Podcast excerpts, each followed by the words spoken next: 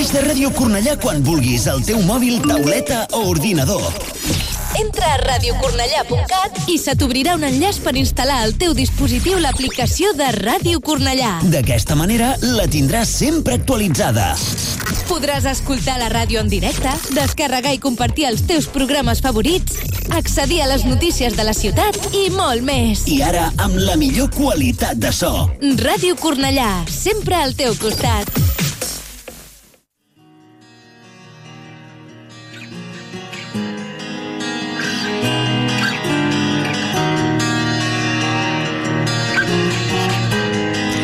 Radio Cornellá comienza el octavo día. Lo mejor del metal.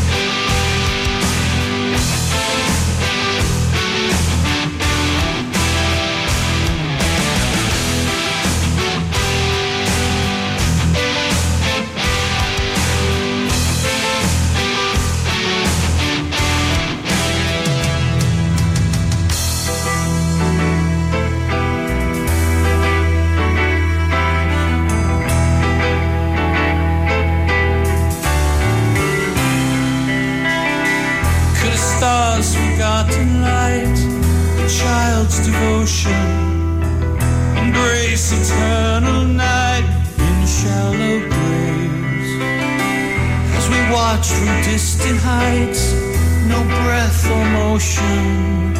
Still every ghost must haunt in its own way. Sleep beneath my dreams, safe within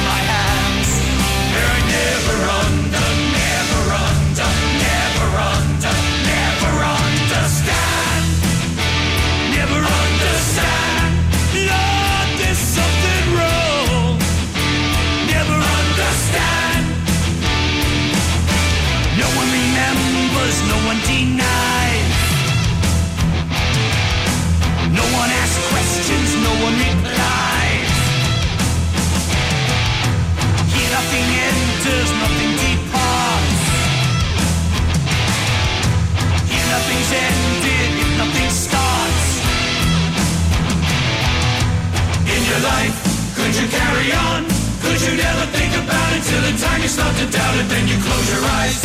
Is it really gone? How true can you depend or if you're really not remembering?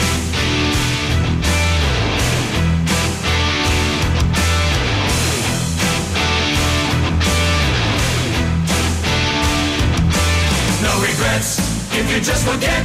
If a memory is leading, you can find it most convenient, so you let it fade till it's very vague. Just a silhouette of shadows, but the shadows are still lingering.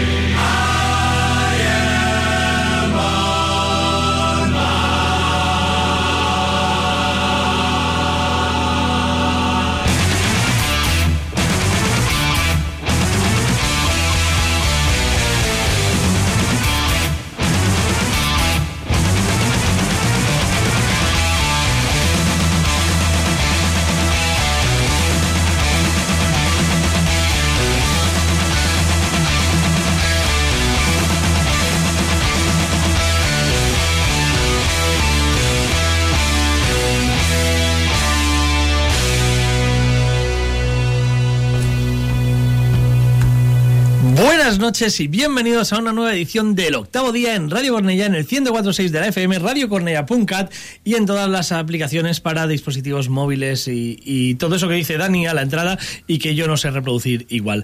Hoy, desgraciadamente, como habéis comprobado, no nos acompaña Dani Ruiz, pero eh, traeremos, traeremos refuerzos en su, en su lugar. Bueno, traeremos algo, algo de lo que hubiese pinchado él.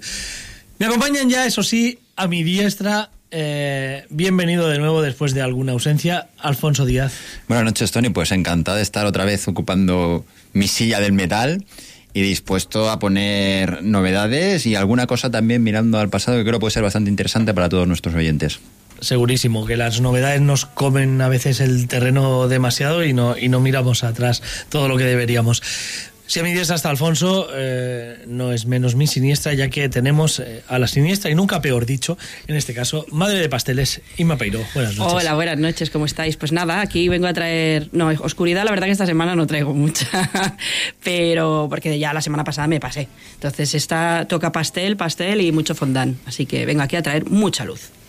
Bien, eh, insulina preparada, ningún problema. Y a los mandos de la nave que diría Dani, como siempre, otro octavo día más. Xenia Sensaric, buenas noches. Buenas noches, pues aquí estamos un domingo más, empezando con lo mejor del metal y con una gran noticia que ha tenido lugar esta semana, como que va asociada a la palabra sabotage. Absolutamente. Eh, ha sido, ha sido, bueno, la noticia que nunca te crees, porque yo hace 20 años que escucho a John Oliva decir que, que, va a haber nuevo disco de Sabatas, hace 20 años que vemos a Chris Caffery arrastrarse, ya a Steven arrastrarse para que haya nuevo disco de Sabatas, eh, y parece ser que ahora sí, ahora John ya nos ha explicado que tiene previsto para el próximo año, 2024, un disco de despedida que posiblemente se llamará Carchain Call, porque Carchain Call es un tema que ha escrito él a piano y voz, que como mínimo seguro que cierra ese disco y que según sus propias palabras no puede tocarlo sin acabar llorando, lo cual eh, es algo bueno. Motiva, motiva bastante, la verdad. Sí, sí, es tan emotivo. Eh, y, la verdad es que, bueno, llevamos, eh, como digo, yo, yo siempre he dicho que ya no me creo nada. Cuando vea el disco y la gira de Sabatage me lo creeré. Pero llevamos esperando 20 años esta noticia y creo que había, había que empezar con este Morphine Child, del que es su último trabajo hasta, hasta la fecha, Poets and Madmen, de 2001. 22 años ya, desde que Sabatage dio su, última, su último coletazo discográfico. Es cierto que, bueno, con Polo O'Neill eh, pues estuvo girando hasta que, bueno, mientras vivió Polo O'Neill, eh, tiró mucho de, la Transiberiana Orquestra, adaptando temas de Sabatage, ganándose muy bien la vida, muchísimo. Pero bueno, parece que John finalmente pues ha querido dar el paso y vamos a ver también los planes de gira, ¿no? Sí, a ver, a ver en qué condiciones estará para girar, porque ya las últimas veces lo hemos visto muy grande y yo diría que hasta grande en el sentido amplio de la palabra y también ya empieza a tener una edad. Y conforme lo que comentabas, pues según decían estas declaraciones, eh, habrá que hacer la selección entre 50 o 60 temas que han conseguido reunir, o sea que la cosa promete porque ya sabemos que, que Sabatage es sinónimo de calidad y si hay 50 temas para sacar 10, 12 o 15 puede ser muy muy interesante y puede haber cosas que yo creo que la espera, esperemos, valga la redundancia, que haya merecido la pena.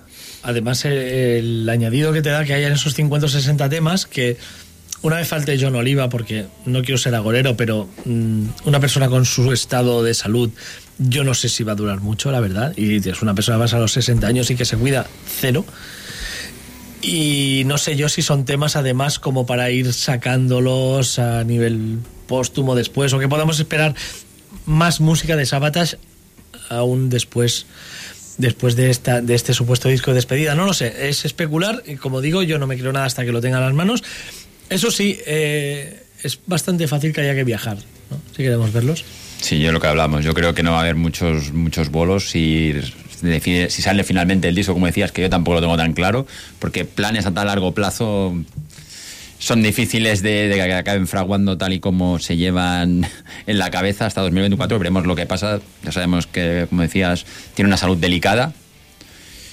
Confiemos en que salgan adelante, que haya, que haya nuevo disco, que este Curtain Call pues sea, sea lo que los fans llevamos esperando pues dos décadas y hombre, yo creo que por lo menos eh, presentaciones en festivales grandes tipo Wacken habrá. Eso sí, claro, pero ¿quién te vas a Wacken, a Hellfest, al Sweden? Eh, sí, está claro que una gira como tal, una gira como tal, Primero, porque no veo que sea un grupo para, para llenar. Según dónde, ¿eh? en Alemania seguro que te llenan. Sí, no, pero aquí en España. Pero en España, por ejemplo, es un grupo que no sé si llenaría Razmataz. Quizás sí, mm, pero como mucho, mucho, mucho, como te he hecho Razmataz. Y no sé si les renta hacer una gira eh, en ese contexto. Entonces, seguramente, quizás los pueda traer pues algún Resurrection o un Rock Imperium. Vete a saber si el Z Live. A Rock Imperium o Z Live les... les... Z Live le sentaría muy bien. Sí. Sí, no, pero yo creo que incluso Resurrection puede ser un atractivo bastante grande, ¿eh? porque Resurrection también se descuelgan con. Sí, bueno, en Resurrection han tocado ya Scorpions, Por ejemplo, por sin ir más lejos. Sabaton Yo- también creo que sí, te sí. tocaron un año. O sea, Incluso Rockfest, que este año no se celebra, pero en 2024 vuelve más grande que nunca en un espacio. O sea, que podríamos. Sí, sí, sí. ¿De sí. verdad? Sí, sí, sí. Bueno. De verdad. Eh, bueno. Yo, yo creo que las cuatro posibilidades que tenemos de, de verlos en, en España serían Rockfest, Resurrection, Imperium o Z Live. Y ca- o cabeza de cartel de leyendas, que sería también Ah, ya echar un ordago importante, pero yo sí que los veo de cabeza de cartel de leyendas. Tienen que echar todo el resto. Un ordago de leyendas. importante, pero bueno. Eh, no sé si. Pero ahí serían, ahí serían cabeza de cartel, yo creo. ¿eh? Sí, sí, sí. Bueno, y yo creo que en un, hasta en un Rockfest y en un Resurrection podría serlo. Depende con quién vayan. En, eso- en esos festivales tan grandes ya depende Ya. con quién les toque bailar. Bueno, pues esperaremos, ¿no? Eh, veremos si finalmente De hecho, sale la luz. Ya lo fueron disco. de Rock Machine en su día, que era un gran festival. Y, y sí, seguramente no tenía nombres tan grandes como han tenido estos festis de los que hablamos ahora, pero, pero sí que es verdad que fueron cabezas por delante de grupos bastante potentes. Pero precisamente la similitud entre Machine lo veo más con el rollo leyendas, Sí, sí, por sí. el tipo de público al que va dirigido, que no a lo mejor re- tipo Total. Resurrection, que es pues más aperturista hacia Sí, otros porque el estilos. año, el año que tocaron en Machina, el cabeza del otro día era Bruce Dickinson. No Iron Maiden, sino Bruce Dickinson, que en solitario ya es otro, otro caché también. Bueno, tenemos muchas ganas de ver a Sabatas, es lo que podemos decir, y tenemos muchas ganas de escuchar música nueva de Sabatas, o sea que todo lo que venga, bienvenido sea.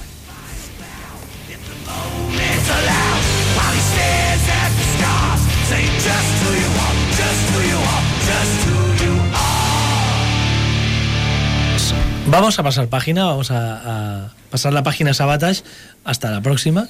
Nunca podemos pasar de Sabatas y vamos a pinchar más música. Eh, supongo que, que Alfonso, Inma, ¿quién, quién hace los honores? Inma. Tú mismo. Yo mismo. Os peleáis, os peleáis por no pinchar. No, hombre, no, porque aquí tenemos todos muchas ganas de, de escuchar metal y vamos a empezar hablando, si os parece, de, de conciertos. Pues porque la semana que viene, eh, todos los aficionados del thrash metal, yo creo que tenemos una cita es completamente ineludible en la sala grande del Razmataz, donde va a haber ahí pues batalla de, de titanes, ¿no? Y como las estrellas de la noche van a ser pues unos Overkill que han sacado un nuevo trabajo que es absolutamente espectacular y que nos va nos va a volar la cabeza en directo. Y bueno, ya se saben los horarios, la apertura será a las 6 de la tarde, a las 6 y cuarto tocarán Keops, a las 19 horas Heathen, una banda muy interesante que no los conozca, que no se, no se los pierda. Quien no los conozca, ese pinche Victims of Deception en vena, directamente. Eh, a las 8 Exorder y a las 9 y 20 pues los grandísimos Overkill. Y precisamente no vamos a poner Overkill, sino que me gustaría poner el foco y el acento precisamente en la banda que van a tocar antes que ellos, junto antes que ellos, Exorder. Seguramente yo sé que entre, los, entre la audiencia del programa hay gente que podría estar aquí sentada en mi lugar porque sabrá mucho más que yo de música o que podría compartir sitio con nosotros, pero seguramente habrá gente que no sabe o que le suena Exorder y no sabe de qué exactamente. Pues bien, Exorder es una banda americana de Nueva Orleans que tuvo un bagaje bastante cortito, eh, finales de los 80, principios de los 90, y son bastante relevantes dentro de lo que es la música de los 90. Porque con su primer trabajo, Slaugher in the Vatican, eh, es un trabajo que pasó bastante desapercibido fuera de- del circuito americano, pero dicen las malas lenguas que eran muy colegas de un tal Phil Anselmo, y que este señor se llevó la receta del sonido para plasmarlo luego en un disco que se llamó Cowboys from Hell. Esto es lo que dice la leyenda. Ciertamente. Entonces, yo os propongo que vamos a escuchar eh, cómo sonaba ese disco, ese disco que es del año 1990, aunque viene de una maqueta anterior los temas, que salió en 1987, o sea que es bastante anterior a lo que fue el Capus from Hell, para que os hagáis una idea, pues eso, de... Tengáis vuestra propia opinión de si se parece a Pantera, si no se parece a Pantera, si es verdad que le robaron... Si miraron cómo estaban los botones en la mesa para grabar, vamos a dejarlo ahí. Y así también, pues os doy pie, os, invito a que vayáis a verlos porque es una banda que merece mucho la pena. El tema que vamos a escuchar se llama Desecrator.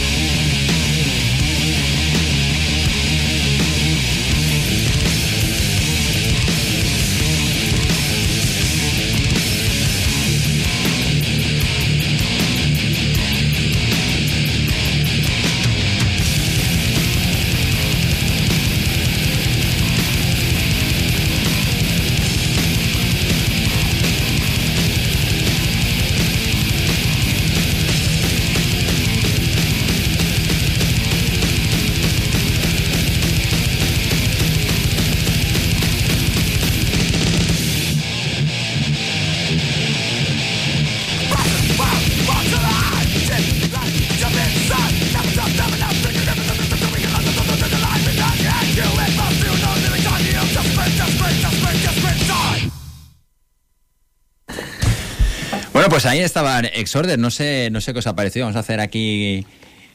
¿Se parece a Pantera? ¿No se parece a Pantera?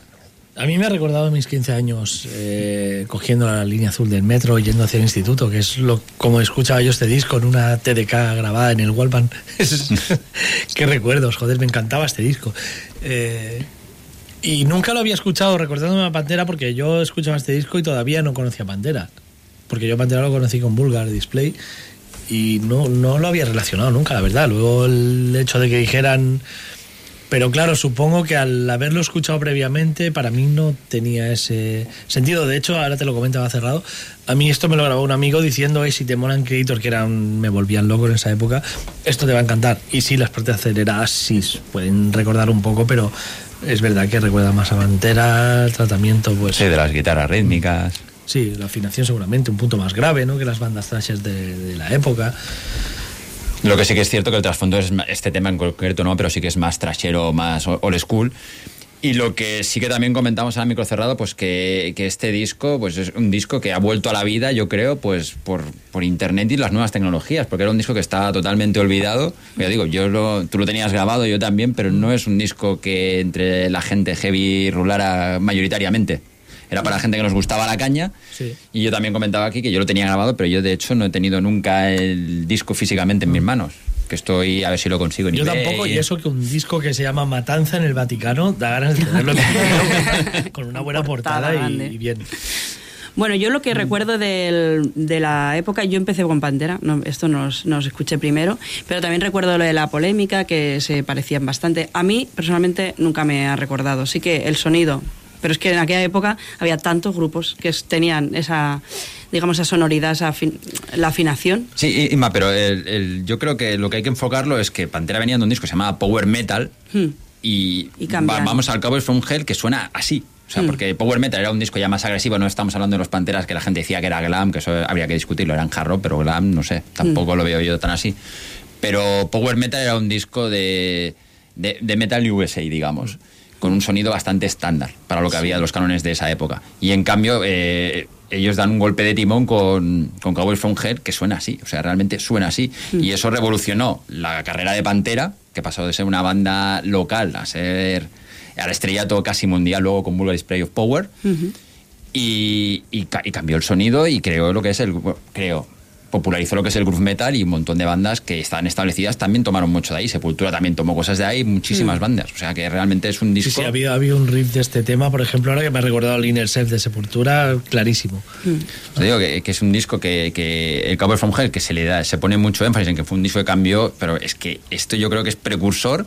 Es que incluso hasta si miramos la fecha de edición, este disco salió antes que, un par de semanas antes que. Pero si yo recu- no recuerdo mal, eh, lo que pasó era que ellos habían grabado el- los temas, los tenían como una demo o algo así. Sí, sí, una de lo que y el disco comentaba. salió después. Sí, sí, la- los temas vienen de una O demo sea que sacaron en el que- 87. A ver, eh, y lo de que fuera precursor, bueno, eh, es que no tuvieron para nada el mismo impacto que tuvo Claro. Pantera. Entonces, mm, a ver, eh, entre las mil influencias que pudieron tener los chicos de Pantera, pues... eh, Claro, pero es que, es que Pan- eh, Pantera con, con, con Vulgar, eh, perdona, con, Vulgar, con Hell, ya salieron con una compañía importante. Esta gente estaba con una compañía local de ahí. Claro. Entonces la repercusión y, y Pantera se fueron de, de gira con Judas en la época del Painkiller.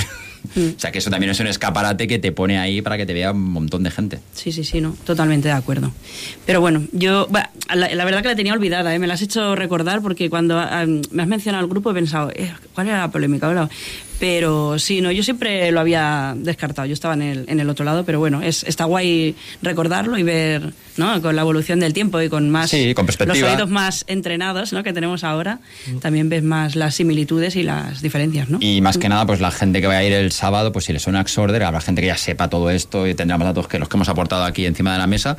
Pero si hay gente que le sonaba el nombre o que no le sonaba el nombre y le pica la curiosidad, pues que sepa que los va a ver y que se va a encontrar esto y que, bueno, es una banda que ya os digo que está relacionada con Partera bastante directamente. Mm, Sí, sí. ¿Y recuerdas, Alfonso, por casualidad, a qué precio están está por eBay? No, pero a ver, original? supongo que son discos que lo decimos, que como han vuelto a la vida, Sí. se habrán reeditado, habrá ediciones de estas piratas, o sea, no creo que sea excesivo. O sea, no Vale, creo. o sea, pero bueno, ahora vale. se puede hacer rápidamente un barrido. No, no, era y- por si era algo excesivo. No, no, si no, no, tampoco. Vale, vale. No creo. A ver, si lo buscas en vinilo seguramente sí que vas. Y de si eres coleccionista y buscas Ya. edición y tal, prepárate a pagar un pastizal. Pero yo creo que esto que eh, los amigos de nuestro amigo Pons, que por cierto, felicidades, que hoy es San Jordi, a todos los Jordi ya en concreto. Sus amigos los rusos, si llegan los CDs, seguro que lo tiene Sí, a, a precio asequible. John Mergen seguro que lo tiene bien de precio, seguro. Qué bueno. Eh, pues nada, eh, después de esta super aportación de la historia viva del heavy metal, yo me voy con otro histórico, no del heavy metal, pero es un histórico también, como es Dean Castronovo. Y es que, claro, cada vez que este señor, mm, porque es un, señor ya bien situado en lo que es la música, eh, nos presenta un proyecto, a mí la verdad que me hace mucha ilusión porque me gusta mucho. Em, celebré muchísimo que se le diera la visibilidad en su momento, cuando en 2014 se creó el proyecto Revolution Saints. Eh, celebré muchísimo que se le diera visibilidad porque siempre me había parecido muy buen cantante, eh, aunque solo hacía los coros, en Journey cantaba una canción. Ah, siempre me había parecido que tenía un timbre muy bonito y que Joder, estaba desaprovechado. Joder, qué canción. Pero joder, qué canción canta, Es que sí. claro. No canta cualquier chorrada. Además que siempre es como muy curioso, ¿no? Ver baterías cantantes es... la eh, parte más emotiva del concierto de Journey prácticamente. Y mira que no he visto a Journey, es seguramente mi gran... Bueno, sí, es un momentazo. Es un momentazo. Es, un que Journey es todo un bueno, concierto todo, emotivo, todo. Tony. Pero, sí, sí. Eh, y nada, bueno, pues que Revolution Saints ya van por su cuarto trabajo. Los dos primeros fueron auténticos pelotazos. El tercero, ñec, ya cayó un a, mí, poco. a mí me gustó bastante el tercero. Pues, sí, pues yo parecía que se les había gastado la fórmula, Hostia, ¿sabes? pues a mí ya en plan, hostia. dos o tres ah. canciones que me gustan mucho. mí. Yo creo, bueno, a mí personalmente el tercero fue el que menos me gustó. De hecho, creo que la mejor balada que han hecho y Sí, es la que te gusta, tercero. el tercero. y bueno, eh, no sé si por efecto de ello o no, mm, varios miembros abandonaron la banda. Pero no pasa nada porque te, se te va un guitarrista White Snake, traes al otro guitarrista White Snake. las ovejas que entran por las que salen. Se, em, bueno, pues entonces, tres trabajos y este va a ser el cuarto. La formación actualmente la componen, bueno, Dean Castronovo, eh, Jack Blades, que quizá lo conozcáis de Night Ranger, y... Jack. Ay, no, ¿qué? Jack Blades es el que se fue. Eh, Jeff Pilson. Este. Am, Dan Qué Yankees, buena. qué gran proyecto, Dan ¿eh? con Dan Nugent. Yankees, sí. Y ya, y ya, y ya Blades. Eh, y en la guitarra se fue Doug Aldrich y ha venido Joel Joeskra y que también ha sacado un disco él con su proyecto que también está bastante bastante bien lo recomiendo también pero bueno al lío que veníamos hecho, a hablar de Revolution Saints Revolution Saints nace como un proyecto, un trío, ¿no? Sí. Con, con Blades, con Aldrich y, y con Castronovo, y al Mm. final se ha quedado en el grupo de Castronovo. Sí pero bueno en realidad era un proyecto para dar visibilidad a Castronovo esto Serafino nunca lo escondió Ya, sí, sí. no le puso una etiqueta de esa Sí, pero- pero- nueva banda de tal no Tú ves los primeros videoclips, Sí. ¿no? Y, además cantaba Jack Blaze, con lo cual Claro, claro. estaba y- compartida y la. Y, veías a los tres muy protagonistas. Los Sí. tres era un trío 100%. Ahora no, ahora es hola, Castronovo. hola soy Dean y estos son mis colegas. pero no pasa nada porque Castronovo lo hace muy pero que muy bien. Eh, el álbum tiene 10 temas y yo os dejo con el que da título al disco porque es uno de los que más me ha gustado. Este y Talking to Strangers para mí son temas reales que se van a ir a la lista esta de temas del año. Pero bueno, os dejo con este tema de Revolution Saints, Eagle Flight.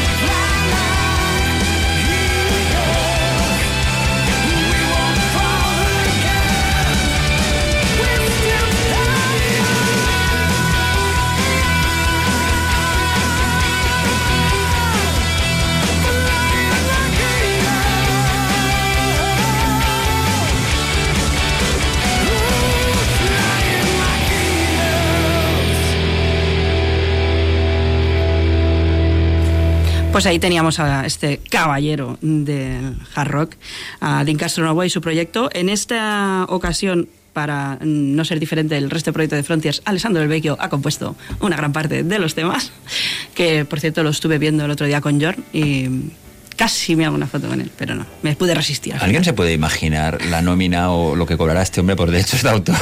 por poco que venda. Ingresar, tiene que ingresar, Ya ¿verdad? ves.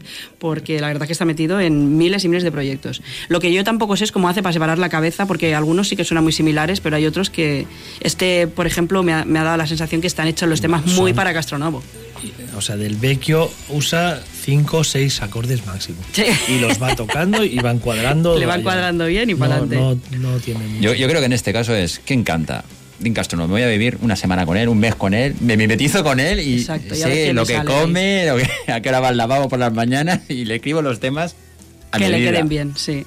También tenemos a Anders Wikström de Trit y a Nikos Sofis de Turili Lione Rhapsody, eh, componiendo temas en este caso. Pero bueno, sí se nota que la, la mayor parte del peso lo ha llevado Alessandro El Vecchio, porque además con el tratamiento de los teclados, cómo acompañan las melodías, esto es todo muy del Vecchio y muy bonito y muy bueno. Con lo cual, aquí está mi recomendación, mi otro pastiche Frontiers de estos que le gusta a Alfonso que traiga, que no es banda. Ahora ya es casi un proyecto de Castronovo. Sí, pero no sé, le veo más alma que otras cosas de ¿Sí? Frontiers, ¿eh? Ah, mira. Venga, Pero bueno. este tiene Bueno, check. eh, El alma de Castronovo. Castronovo. Y, y- y también, y también el caché de los músicos que, Sí. que, que También. están metidos en el proyecto, que también pesa, claro. Ves al Duke Aldrich por ahí y ya dices, ostras, cuidado. Mm. No, Sí, ahora, sí, sí. ahora Joestra. Ahora el Joestra, que vamos. Pero Ahora bueno, no. de aquellos barros estos lodos, quiero decir que tampoco, que te has ido de Aldrich a Joestra, que no Sí, has sí. perdido tampoco mucha comba en el medio. O sea que muy bien, muy bien, la verdad que muy bien y muy recomendable. Y si os ha gustado este, pues para mí, escucharos los dos primeros, para Tony el, el tercero también. Sí, bueno, es el, el primero, es el, es el primero. el primero es el primero, sí. El primero fue Pero a el mí que el tercero, oye, me gustó, me gustó. Venga, pues ahí lo dejo. Pues nada, vamos a cambiar de registro un ratito después de esta sesión de pastel que yo la veo factible, que me ha gustado bastante la canción, para incluirla en playlist de correr. Creo Muy que bien. para un día de estos que vas tranquilito, es, eh, anima, anima, coge fuerzas. Y como decía, yo cambio de tercio de una canción que, como he dicho a micro cerrado, me parece eurovisiva. a una banda que ya se presentó en Eurovisión del Metal en el pasado 2019. Recordad que Eurovisión del Metal 2023 tendrá lugar el próximo domingo 14 de mayo eh, aquí, en el octavo día, de 9 a 12. Y la próxima semana se desvelarán el sorteo chan, chan, de los países participantes y una sorpresita al respecto. Así que estad atentos a nuestro canal de YouTube, subscribe y esas cosas, o a las redes sociales que ya sabéis que son Facebook arroba el octavo día 8, Twitter arroba el octavo día, Instagram arroba el octavo día 8, 8, TikTok arroba el octavo día 8, el canal de YouTube el octavo día 8 y por supuesto también al grupo de Telegram, porque hay gente maja, se habla mucho de metal y a veces coincidimos en conciertos también. Y nos hacemos fotos para dejar constancia. Es curioso porque en Telegram coincidisteis todo el mundo de Telegram en Excepto un concierto vosotros ayer, tres. y nosotros tres somos los que estábamos en otro concierto. También con algún otro del grupo de Telegram, que estaba Pedro por allí también. Pues los que faltaban estaban en el otro concierto. Somos los disidentes. Luego hablaremos de, Disidente. de- sí, sí, luego hablaremos de, de los conciertos que tenemos crónicas por hacer, pero ahora vamos a escuchar lo nuevo de Tai Catafalque, el proyecto de nuestro queridísimo Tamás eh, desde Hungría presentando que se lo guisa él y se lo hace todo solo, un nuevo disco. Este chico tiene una creatividad, vamos, eh, está disco por año casi casi. Eh, se llama Alfold, el nuevo lanzamiento, verá a la luz el próximo 16 de junio vía Season of Mist, como es costumbre. Y ya tenemos un single adelanto que a mí personalmente me ha sorprendido mucho para bien. Espero que a los seguidores de Taika Tafal también. Vamos a escucharlo y luego comentamos. Así suena, o va a sonar, parte de lo que será el nuevo lanzamiento de Taika Tafalk.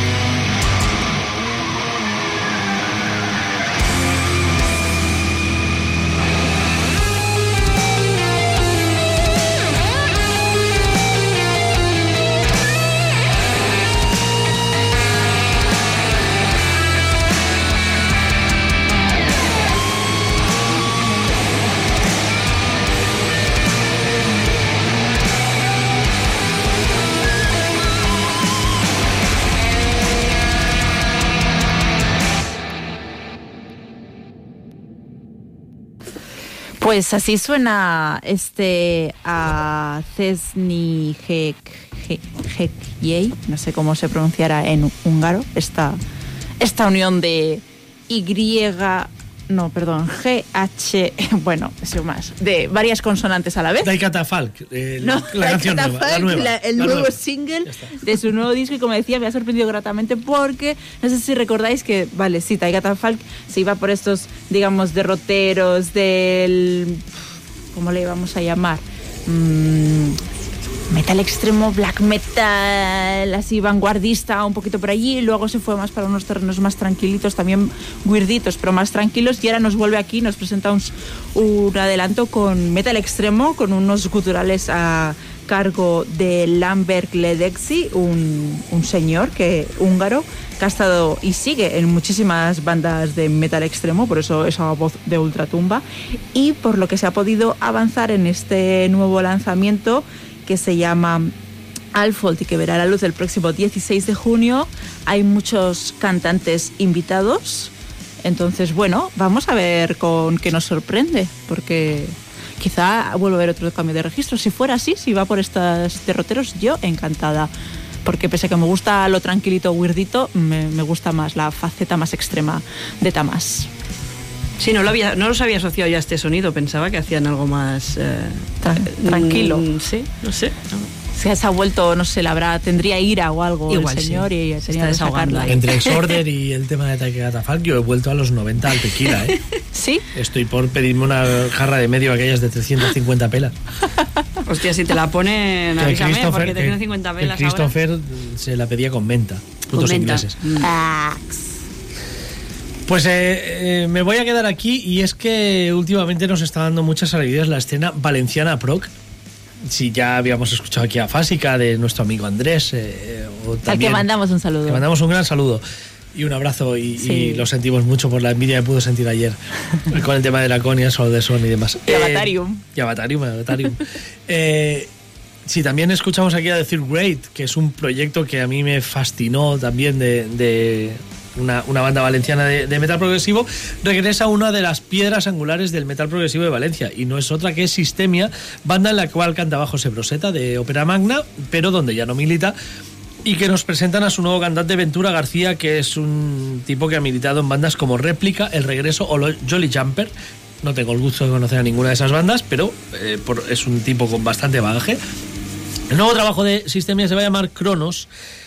El artwork está eh, ha corrido a cargo del artista Kriez y os recomiendo que busquéis la portada del nuevo de Sistemia porque es chulísima. Mm, Es, es de vinilo, es, es de, ojalá salga en vinilo, lo dudo. Es un EP como acostumbran hacer Sistemia, cinco canciones que lo conforman, Perdidos, Aurea, Negra Luz, Revelación y Paraísos. Y ya tenemos el primer adelanto, ya tenemos el tema que nos da a ver cómo, cómo es este, este nuevo, este nuevo eh, trabajo de Sistemia, la nueva voz, la voz de Ventura. Aurea, el segundo corte, es el que nos han adelantado. Esto es lo nuevo de Sistemia.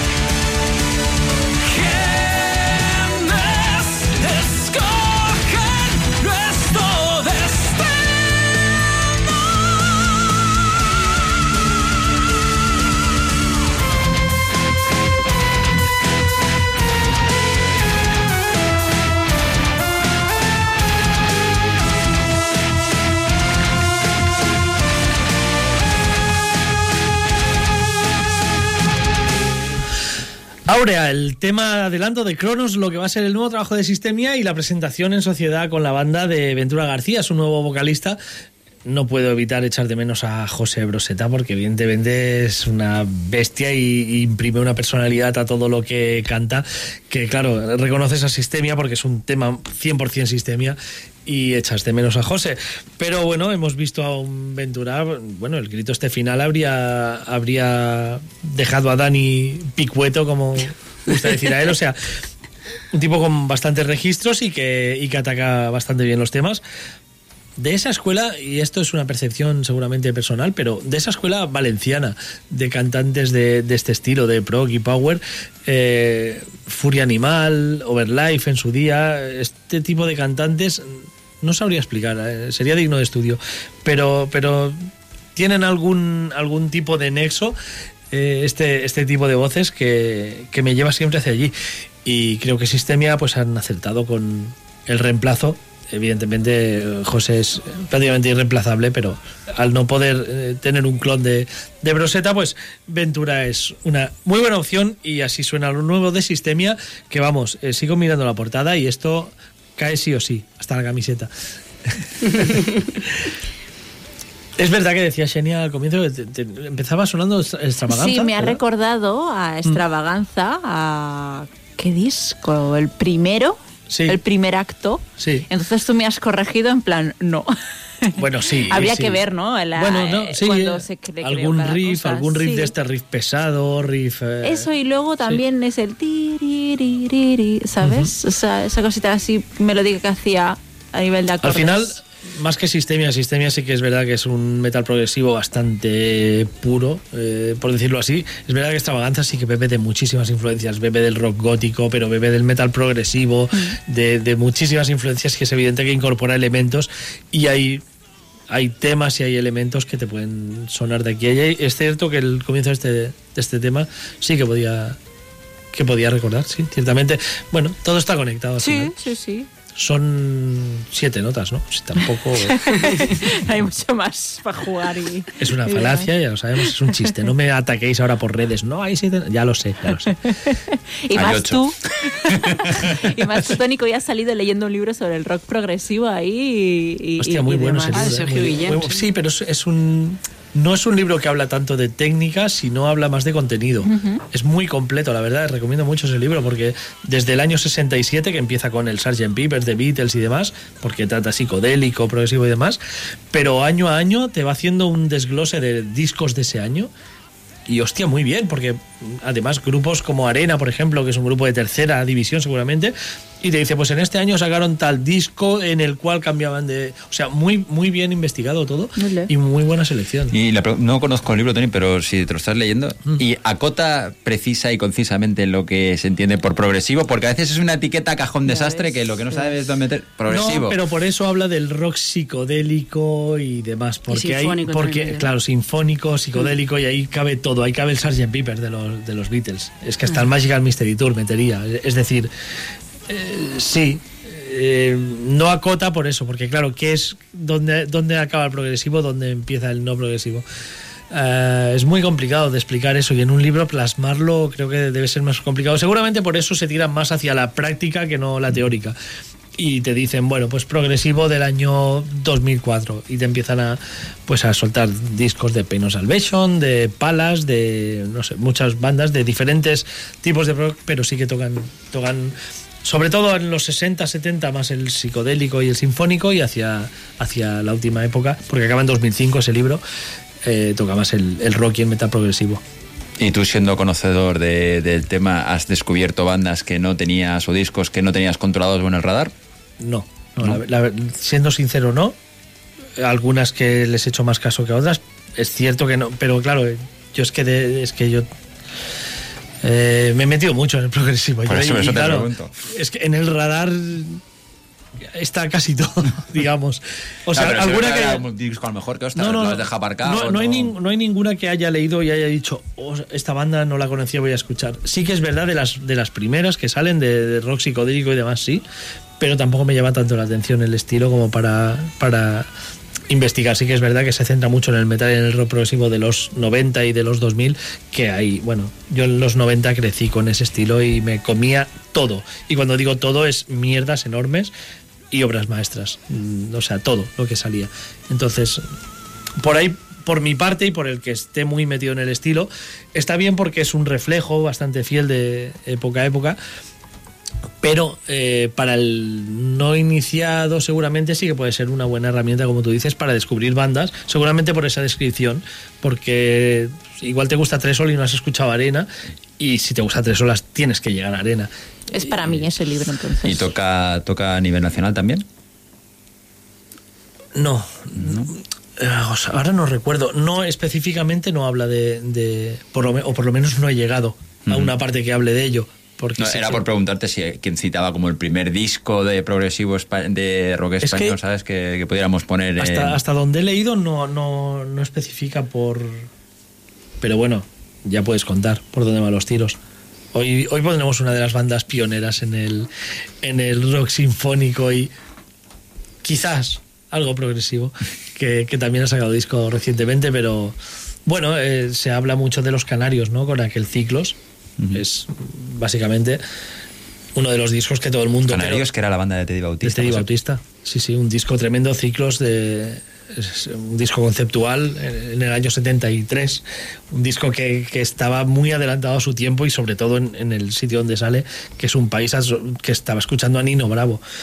Con todos mis respetos a Nino Bravo, pero mientras aquí escuchabas a Nino Bravo, Deep Purple, sí, sí. Zeppelin... Se estaba cociendo eh, ya otras cosas fuera. bueno, habían muchas cosas fuera y aquí nos entretenían con lo que había, pero yo incluso es que me iría antes porque yo he escuchado cosas de Lone Star que, que hostia, que, que- que tienen, tienen ideas que luego has visto desarrollar. Es complicado establecer dónde, dónde se inicia, sobre todo por eso, porque en España con la dictadura costaba mucho importar música eh, y cuando se importaba además venía con la cortapisa y, y, y era complicado. Y claro, Nos importaba más bien la gente que tenía oportunidad de viajar a Londres Correcto. era la que la traía, más que Correcto. importar como tal. Correcto, y por eso, pues, eh, grupos como Lone Star, que habían podido ir a Londres a ver conciertos en Londres y empaparse un poco del ambiente aquel, sí que traían ideas nuevas. Eh, pero, pero claro, es, es que es muy difícil delimitar dónde empieza, cuándo empieza. Por ejemplo, este libro empieza en el 67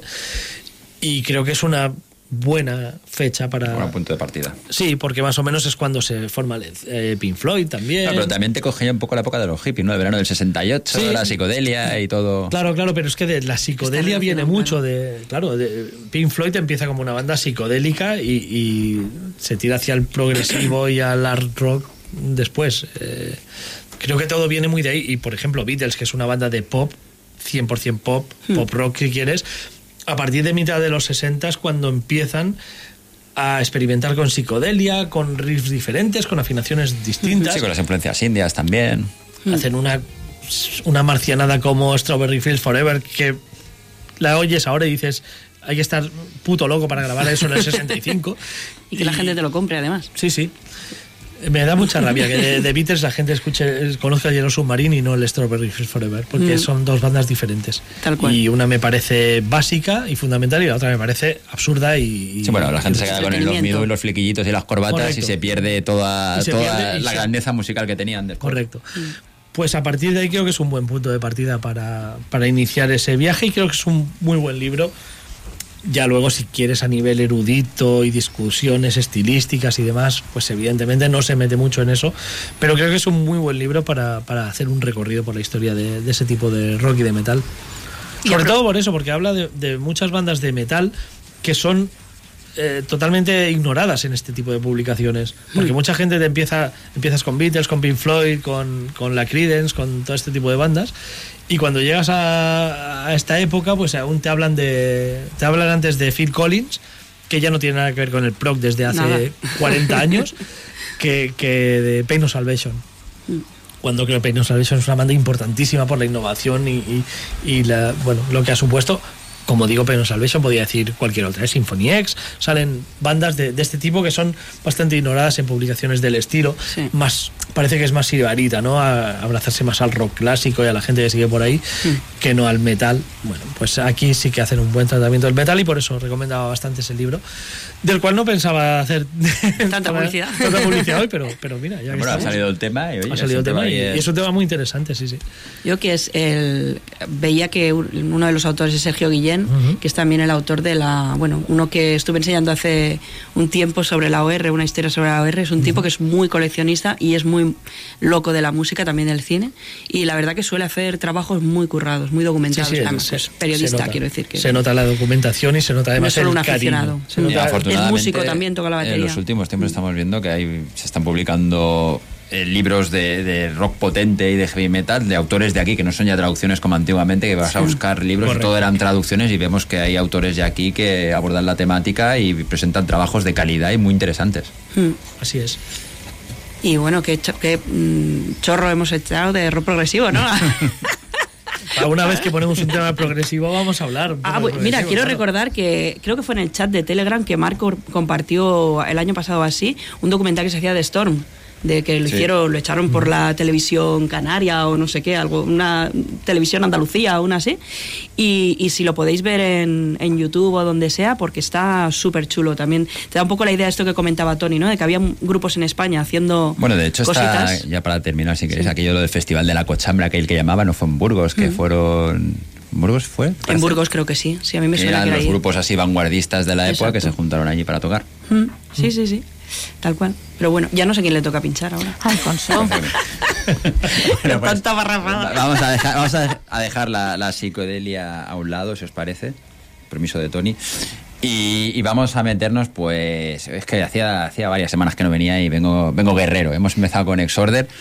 Y vamos a hablar de otra banda que personalmente es una apreciación muy personal. Creo que es la típica banda que todo el mundo conoce. El nombre y no conoce su legado porque llevan más de 40 años en activo. Precisamente el disco que, que vamos a hablar ahora de él, eh, según ellos dicen, va a ser su despedida. Se- parece que va a ser el punto y final de una carrera, como digo, se remonta a principios de, de la década de los 80. Y es que estamos hablando de Pónganse de pie de Holy Moses que es una banda que, lo que os digo, yo creo que a todo el mundo le suena el nombre, pero realmente si nos pusiéramos a preguntar por nombres de discos y nombres de canciones, creo que mucha gente le podríamos sacar los colores. Sí. Presente. Yo también. Y yo. Pues va- vamos a, aquí a, a contribuir a que se conozca más Holy Moses, aunque sea con su disco, según dicen ellos, de despedida, la banda de, de- de Sabina, que... que Sabina Sabina, Klassen. Sabina Klassen. es que ya hablo con familiaridad porque yo sé que lo No es sabe, Joaquín pero- Sabina. Eh, pues eh, este nuevo disco que se llama Invisible Queen, ¿Te que es la... A Sabina en Holly Moses. Y es que hacía... El gutural lo tiene. ¿eh? Eso sí, Sabina. eso es verdad. Cultural tiene Sabina de sobra. Para hacer, para hacer segundas voces igual sí que le daba. Oye, pues. Bueno, volvemos con Holy Moses y como os decía, este Invisible Queen es la continuación de su anterior disco, Redefine Mayhem, que es de 2014. O sea, ha pasado un tirón largo. La banda yo pues pensaba que estaba desactivada, pero no, parece que no, que vuelven para, para este último lanzamiento.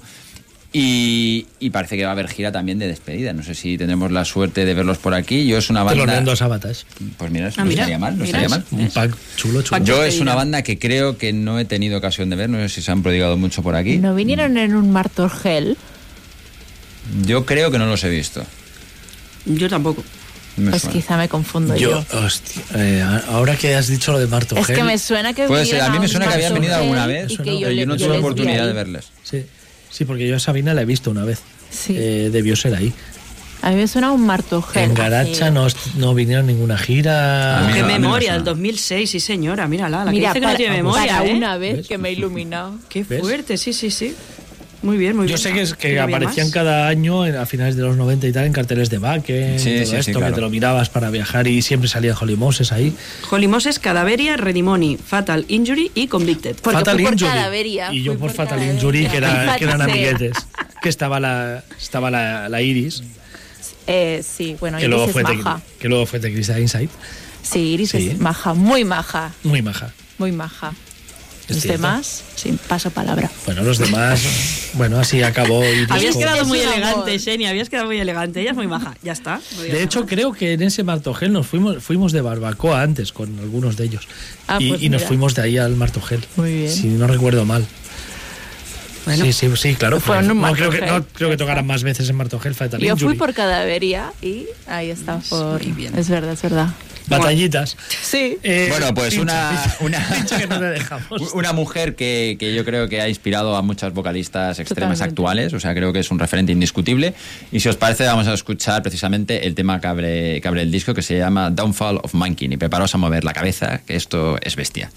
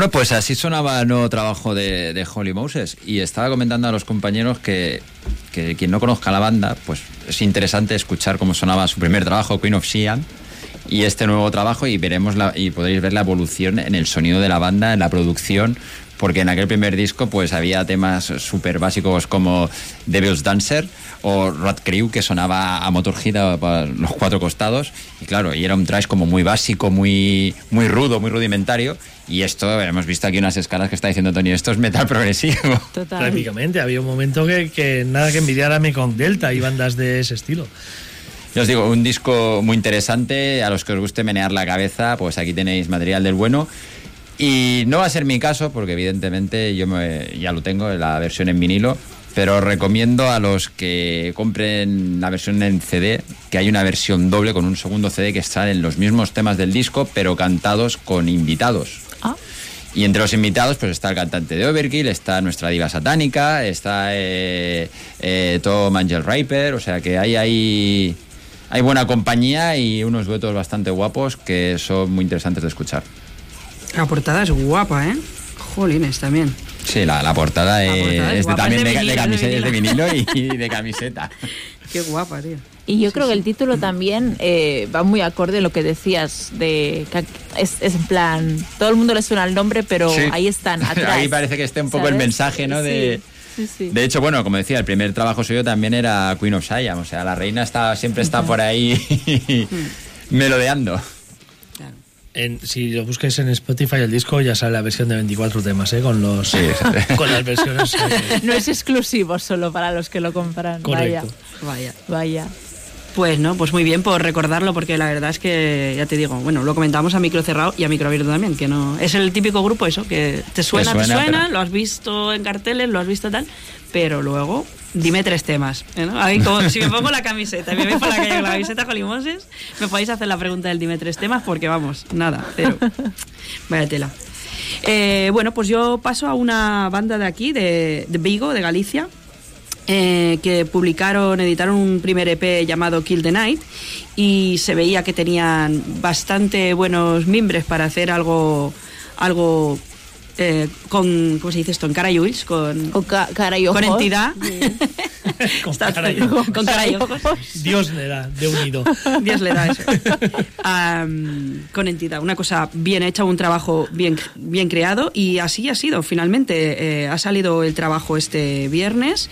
Eh, la banda se llama Unchosen, Unchosen Ones. Mira que lo he dicho bien antes, ya no me sale. Unchosen, Unchosen Ones. Ahora sí.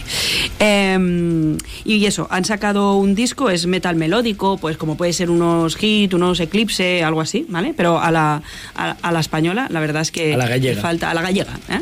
Son los, los nórdicos de España. y, y nada, y muy divertido, Los es celtas, muy. los celtas. Si son los de Vigo, son los celtas. Ah, vale. Es que yo con el fútbol y esto no me llevo, ¿sabes? Los celtas Eh, es una tribu. ¿no? Sí, sí, sí, pero sé que marca por de ahí. Y de cigarrillos, sí. Bueno, entre las temáticas del álbum, lo que os decía, eh, es variado, aunque es, la música es muy animada, así como muy optimista. Las temáticas del álbum, pues cuando he mirado las letras me he quedado un poco mm, mm, parada, sorprendida, porque, por ejemplo, hay como tres temas que van sobre juegos de de videojuegos que me he quedado. Ah, pues vaya, fantástico. Esta no me la esperaba, no me la vi venir. Em, y nada, os pincho uno de los temas más, eh, más movidos que hay en el álbum. Duro y heavy, igual tampoco sería la palabra que usaría para describirlo, pero la verdad que es, eh, está muy bien y es, eh, bueno, es, se, puede, se puede escucharlo, se debe escuchar todo el disco porque lo han, han conseguido muy buen sonido. Eh, lo que decía, la banda Unchosen Ones y el tema The World is Ours to Take.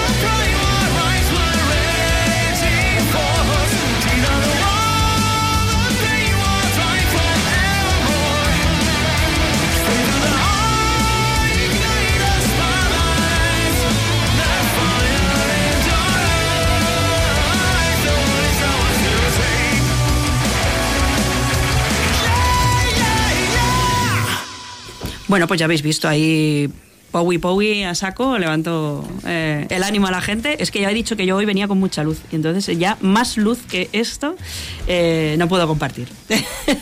Está muy iluminado. Y bueno, eso si quieres escuchar el disco, acaba de salir este, este viernes y mm, que se llama Sorrow Turns to Dust. Ya te digo que a mí el título y luego lo que es la música no me cuadra porque parece que va a ser algo... O sea, yo vi la portada, el nombre del grupo y el título del álbum y dije, esto va a ser Doom. oscuro, sí, Gothic algo Doom. oscuro. Tiene, tiene pinta, ¿eh? la portada es... Y luego me cosa. lo pincho y di- eh, bueno, vi las referencias que hacían y dije, ah, bueno, pues me lo tendré que escuchar. Y claro, lo escucho y digo, pues esto no, o sea, no est- estoy teniendo aquí un momento Lapsus, Eh, lapsus sí, un de lapsus mental, total, Lo que te dan con la imagen, con lo que suena. Bueno, los, los gallegos ya tienen esto, que se llaman los suaves y luego no es suave lo que... Oye, lo que tocan, es verdad. ya pasa esto. Pues nada, ahí os lo dejo. Anchos en Ones, para, si os ha gustado, pues lo podéis escuchar. Pues si estábamos en Galicia, nos movemos un poquito, que al lado tenemos Asturias, ¿no? Sí, muy cerquita.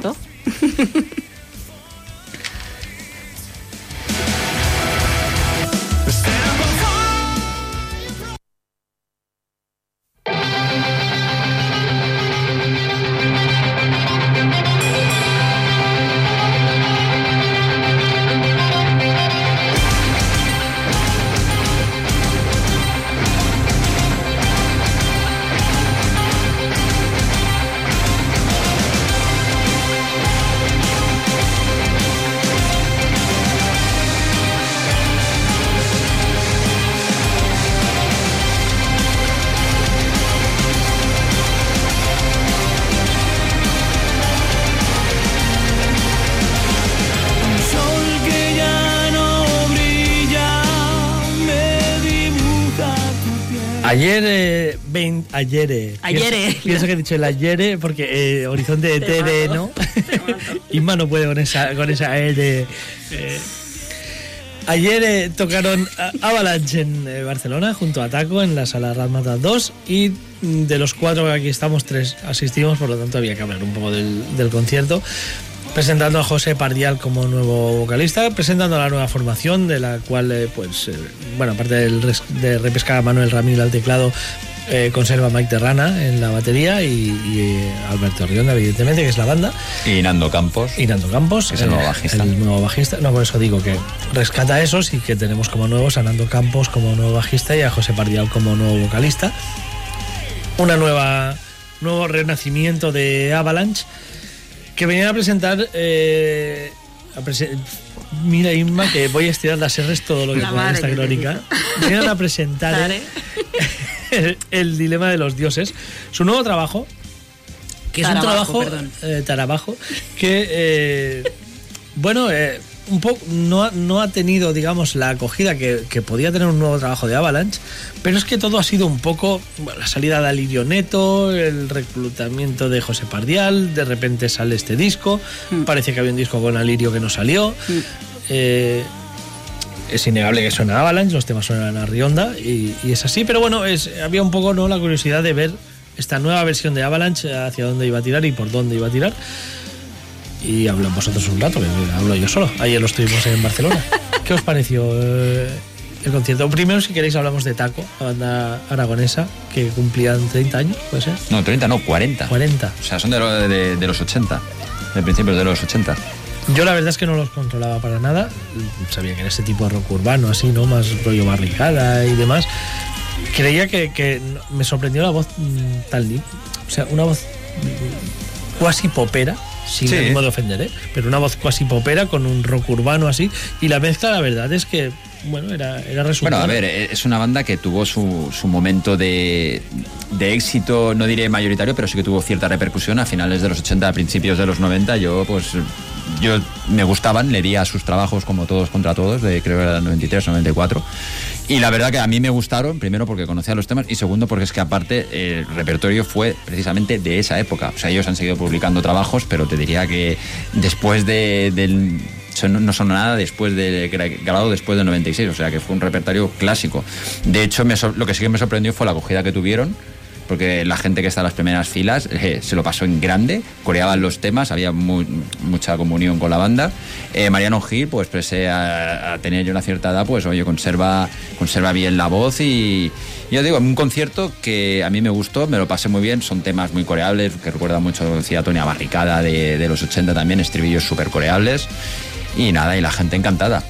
A los barricadas del Boni, más que los Sí, de sí, drogas, sí. ¿eh? que es esa Sí, voz sí. más amable, esa voz más limpia. Sí, sí. Más macarrilla, más de barrio. Sí, macarrilla de barrio, pero, pero mm, agradable porque el macarra de barrio es el drogas. No de drogas, el de que ¿no? El- el- ¿Sí o no? Eh, yo, la verdad, no sé por qué, tenía la impresión de que Taco era más la parte del drogas y no, es la más la parte de Bonnie. Pero bueno, eh, sí, sí, la gente disfrutó muchísimo en un cartel que a mí me pareció. Sí, en muy principio no parecía un, Muy raro. un cartel. Hablé con el promotor y le pregunté por esto. eh, el promotor es Rubén, ex del octavo día. Y le pregunté precisamente, oye, ¿esto lo has montado tú así o te ha venido? Y, No, no, el manager eh, me ha dado este cartel montado y, y es así. Bueno, sus negocios tendrán internos, igual el management es el mismo. El, Sí, el Duque Producciones este. Pues ya está, el Duque. Que además Duque Producciones también es quien tiene acciones en Avalanche. Sí, sí. Que igual lo del disco va por ahí. Lo del disco no publicado viene por ahí. Ujú. Bueno. Yo Taco no les vi, no llegué. Así que me creo todo lo que me digáis. Pero Avalanche los viste. Eh, empezaos. Me digas. Así, sí, llegué tarde, es que tenía compromisos familiares. Pero bueno, Pues empezaron Avalanche. con Oráculo. El esta no se puede ya, Oráculo. esta ya es sorda, ¿no? Sonora, Ya, orácula esa- ya sonora, esa ya no se no puede la- sonorizar. No la puedo estirar. empezaron con Oráculo, me sorprendió que empezaran con Oráculo. eh, tema, seguramente el mejor tema del disco de Irra de Avalanche. Sí, seguramente es uno en los que José se mete más fácilmente, no digamos, porque eh, yo creo que es un cantante totalmente, absolutamente técnico, capaz por técnica de llegar a todos los tonos y a todas las notas que se le piden, pero seguramente le falta hacer suyos los temas. Y es cierto que puede llegar a los tonos que hace Irra, es cierto que puede disfrazar un poquito los temas de Irra, pero por ejemplo los de Ramón Es más difícil. a mí se me- porque Ramón le pone un alma detrás que no solamente lo, lo cubres con técnica, tienes que, que poner algo más. Y creo que a José todavía le falta eso. Hmm. Es verdad que acaba de llegar y, y- y es un chaval muy joven y, y darle tiempo y darle tablas Sí. y a saber eh, qué puede llegar a, a ofrecer. Realmente voz la tiene toda. Sí, pero ha sido todo como muy atropellado, claro, y tampoco te da el tiempo quizás de... Porque recordemos que cuando empezó Irra con eh, Rionda, con Alquimia, eh, Irra se fue a vivir a la casa de Rionda un tiempo. Entonces eso te hace, como decíamos antes, Alfonso, ¿no? De, o sea, fi- eh, de- del vecchio, conocer- ¿no? conocer a la de persona con la ver con la persona trabajando. con la que trabajas, se, se pero- genera esa comunión, se genera ese espíritu de equipo, Esa ¿no? sinergia, ¿no? Quizás sería la palabra entre Había- ellos. había- pero ya había la reacción previa porque Rionda produce el primer trabajo de Amadeus, de hecho, o sea, ya se conocían, habían trabajado Sí, juntos. Pero que para componer o para interpretar... De se hecho, colgaban vídeos cuando estaban componiendo en casa de, Que eran una maravilla, Alberto. por cierto. Súper chulos. Bueno, lo que sí que me gustaría decir en en defensa de, de- de José Pardial, ¿no? Que No es ataque, ¿eh? Nada de No, no, no, pero. Eh, eh, lo de defensa me refiero de que se tiene que calzar las botas de si te paras a mirar de una serie de cantantes que todos tienen una personalidad muy marcadas y todas han dejado una huella muy importante en los fans de, de Avalanche, que es una banda ya con una trayectoria muy larga. Y a mí lo que sí que me sorprendió, lo que, lo que hablábamos del repertorio, es que precisamente si tienes un cantante nuevo para que brille en esos temas que, y coja su propia personalidad, yo quizás habría metido más temas del nuevo disco. Evidentemente la gente quería escuchar lo que quiere escuchar. Es lo que me hace pensar que quizá no se acaban de creer el nuevo disco. El nuevo disco, pues tienes que sacar el nuevo disco para presentar a la banda, para presentar sobre todo al cantante y, y, bueno, ir con algo tangible, no decir, bueno, tengo este nuevo cantante y os lo suelto ahí ya con los temas, bueno, ya lo has presentado, tiene sus temas, pero yo veo, ya, ya digo, a mí me gustan prácticamente todos los discos de Avalanche, mm, entre mucho y bastante, y este tiene algún tema, es cierto, tiene algunos temas destacables, pero me parece un disco un poco precipitado y, y creo que, que, que- que no se lo llegan a creer. Eh, en directo, la banda muy bien. Terrana es una máquina. La batería, bueno, el solo ese de 10 minutos que nos obsequió, eh, para mí excesivo. A mí nunca me ha gustado solo de batería, excepto aquel de Mr. Big que hizo Pat Torpy en el 94. Pero, Pero- yo creo que Terrana, o sea, ya nos lo han demostrado varias veces que a Terrana hay que ponerle pantalla. Porque es que estabas en, la- en- en las primeras filas y te daba el, Sí. el golpe de la batería de Terrana. Es que es impresionante, no te llegaba por los altavoces, te llegaba el de él. Sí. Pero Y a este hombre que Terrana ponerle tiene- pantalla tiene ya. su propio show, o sea, tocaron Sí. eh, Taco, Avalanche y Terrana. Terrana. que Terrana tiene su propio show, sus 10 minutos son intocables. Sí, no, pero es bueno que siga también en la banda, ¿no? Que se haya comprometido tanto porque Terrana es un mercenario bastante importante que está en 200.000 proyectos y precisamente Avalanche no lo suelta, ¿no? Algo ha visto ahí que... que eh, Sí, de, de hecho de- creo que, que tradujo, ayudó a traducir las letras de, Sí, del oráculo en sí, sí. inglés, tomó bastante partido a la Ah. hora de, de traducir letras y tal. Se A implicó nivel, a bastante. nivel de setlist, eh, es cierto que una banda como Avalanche con la trayectoria que tiene, eh, si éramos 200 ayer habría 200 setlists diferentes. Seguro. Pero a mí se me tampoco me acabó de, de llenar. Sí que es cierto que todas las canciones que tocaron me gustan, pero antes que La flor en el hielo, no sé. eh, yo hubiera escogido otro tipo de canciones, la verdad. Seguramente porque hay algunas canciones creo que le beneficiarían a José Pardial tocar más de, de Llanto de un héroe y de y las ruinas del Edén, porque creo que a Víctor es al que no igualarse, porque evidentemente son registros diferentes, pero es con quien puede competir más también, no ya solo por él ni por Víctor, sino porque ya lo han hecho los otros. Ramón ya se puso las botas de Víctor y hizo suyo los temas de Víctor. Isra también. Ya son temas que están más pisoteados, por decirlo así, y que creo que Pardial aquí Pero también los temas de Víctor, hablo desde la perspectiva de fan de esa época, están muy idealizados. O sea, los queremos con mucha carga épica que no sé Igual, tampoco pero si... cuál no es que cuál, claro Ya, eh, pero yo no sé. recuerdo la polémica bestial cuando Avalanche saca las ruinas del Edén que era regrabar temas de Víctor con Ramón Sí. entre ellos las ruinas del Edén que además ese tema no solo Víctor sino Leo Sí. Jiménez haciendo el había- contrapunto y de repente tenemos a Ramón haciendo de Víctor y de Leo Jiménez en un registro totalmente diferente y- y y queda bien igual, tío. que queda, per- queda perfecto porque Ramón le imprime su personalidad y creo que eh, eso es eso es lo que lo que yo le puedo achacar a, a José que es normal ¿eh? porque él en principio es un nombre un nombre nuevo y pequeñito al lado de monstruos como como Irra como Ramón y como y como Víctor y claro decir aquí estoy yo y esto lo voy a hacer mío pues igual todavía no, todavía es pronto y quizá más adelante sí que pase. Pero yo le, achaco eso, no me imites a Irra, porque Irra es Irra, sé tú. Y creo que le faltó ese punto de, de ser- Al fin y al cabo, yo tampoco creo que esto asuste ni, ni, ni a José ni, ni a Rionda, porque al fin y al cabo es la historia de Avalanche. Entra- eh, cantante que ha entrado, cantante que ha sido discutido y al final ha sido venerado al fin- finalmente por los fans, Sí, se los sí, ha sí. ganado. Total. Y no me cabe la menor duda de que los comentábamos aquí, eh, José tiene una voz impresionante. O sea, la que es- consiga Muchísima meterse... técnica, seguramente a nivel técnico Es el sea, mejor sea el mejor porque es el que más ha estudiado y, y tiene una técnica bestial. Eh, también es verdad que, que yo lo vi a nivel a, varios niveles. Por ejemplo, a nivel imagen, no es un cantante de Avalanche. Yo no lo vi, no lo vi como un cantante de Avalanche. Me parecía de todo menos, ya no de Avalanche, de heavy metal incluso.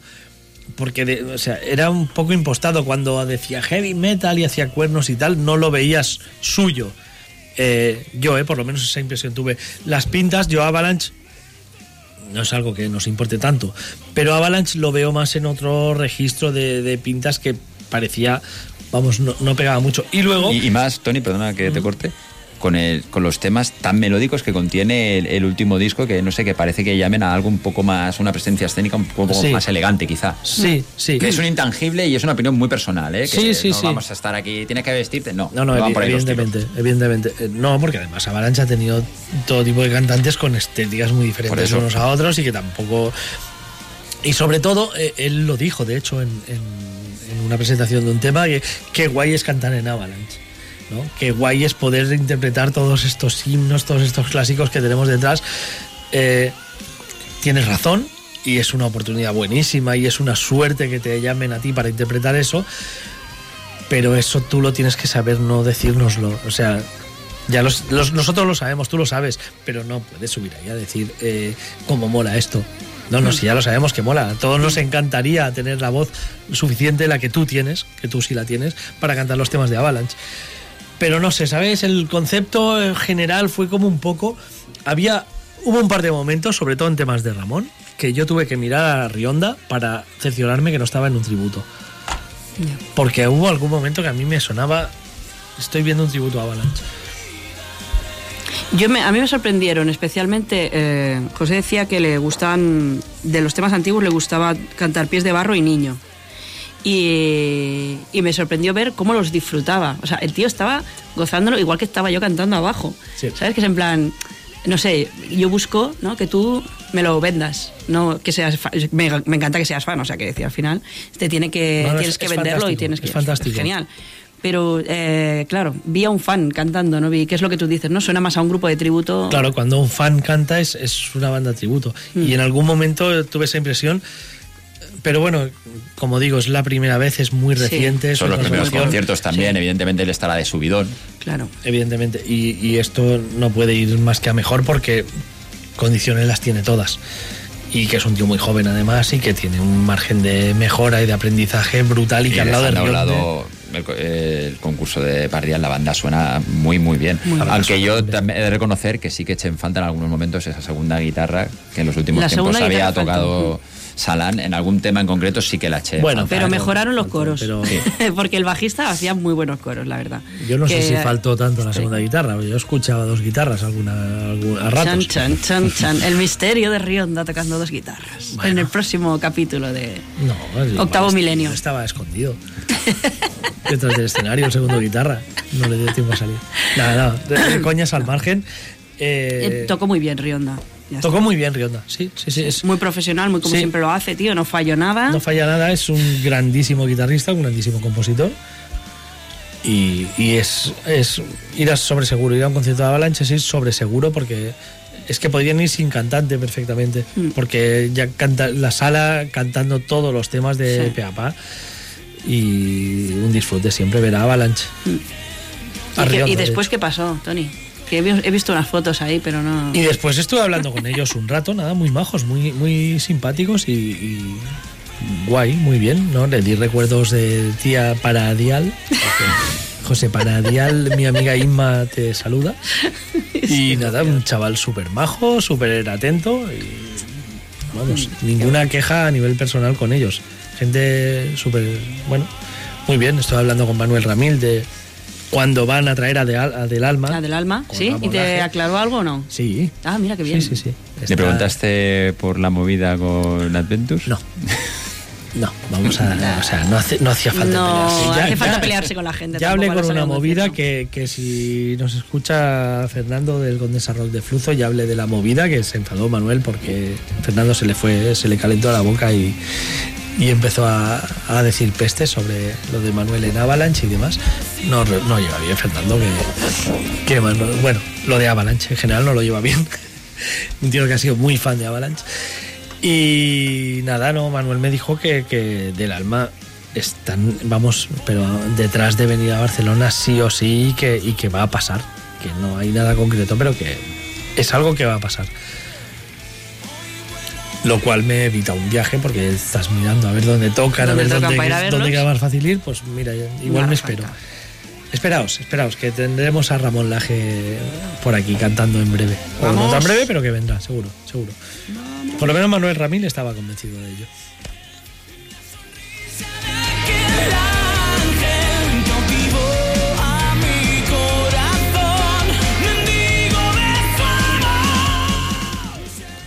Bueno, pues yo ya después de haber disertado eh, con vosotros de Avalanche, me vais a permitir que, que abandone mi sitio y me despida hasta la próxima semana. Pues un placer haberte tenido. Y os dejo aquí a los mandos del convoy. Acabarlo de estrellar. Venga, pues muy buenas noches a que todos. vaya muy bien la semana. vemos. Vaya Gracias, muy bien. igualmente. Hasta luego. Pues eh, yo no sé si hacer una mini crónica o no del concierto, porque realmente en YouTube tenéis la crónica expresa encima junto a Mark y David, un- invitados de lujo. O sea, que es que también estaba Jero por ahí, pero al final no, no pudo encajar la cosa. Si no, ya hubiera sido extra lujo. Pero bueno, eh, básicamente, Shores of Null, eh, voy a cambiar a Avalanche, lo siento. eh, ahora toca un poco la música, oscuridad. Que vaya ¿vale? acorde la música con lo que vamos a hablar, sí, mejor. porque... mejor, mejor. Un poquito de oscuridad a ritmo de Draconian. Porque para mí fueron los. eh, para mí, para Mar, para David, para Jero también, y para mucha gente los allí presentes, eh, fueron los, los reyes y reina de la noche.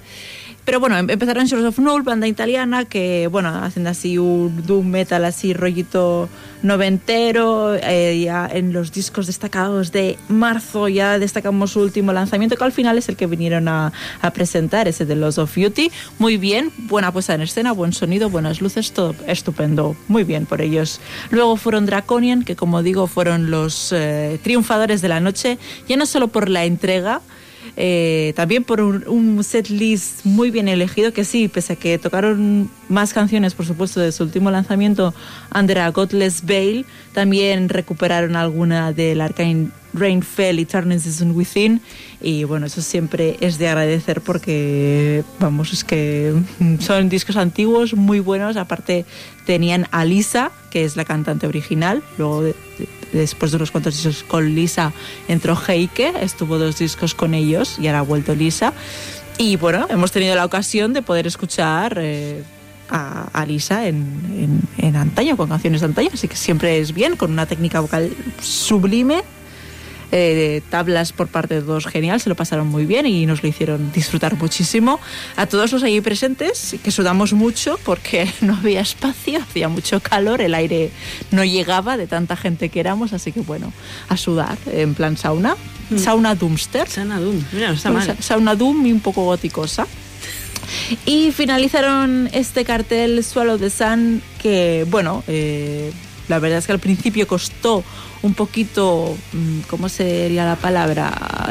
Más que interactuar, no, que te llenen, ¿no? Eh, seguirles el rollito porque estaban como bastante estáticos, como si estuvieran desganados que no es así, pero como que te daba esa sensación. Y luego, conforme pasó la noche, se fueron animando y sobre todo la gente loquísima porque tocaron Swallow, Horror Part 1 del The Morning New Came, eh, disco debutísimo de, de estos fineses. Entonces, bueno, que toquen temas antiguos siempre es bien, más que las últimas veces que han venido Swallow de Sun se han centrado en sus últimos lanzamientos, que sí que tocaron muchas del Moonflowers, del último, pero que tocaron un par de, de discos antiguos, así que estupendo, todos contentos, sudados, pero contentos, que al final es lo importante, estar contentos. Claro que sí, sí, sí, sí, ¿no? Y si la propuesta estaba bien encajada, que los tres bandas más o menos del estilo, exacto. tal. Sí, el cartel estaba para los amantes de estos sonidos, era el cartel era exquisito. Aparte, fin de gira, digamos, con Draconian.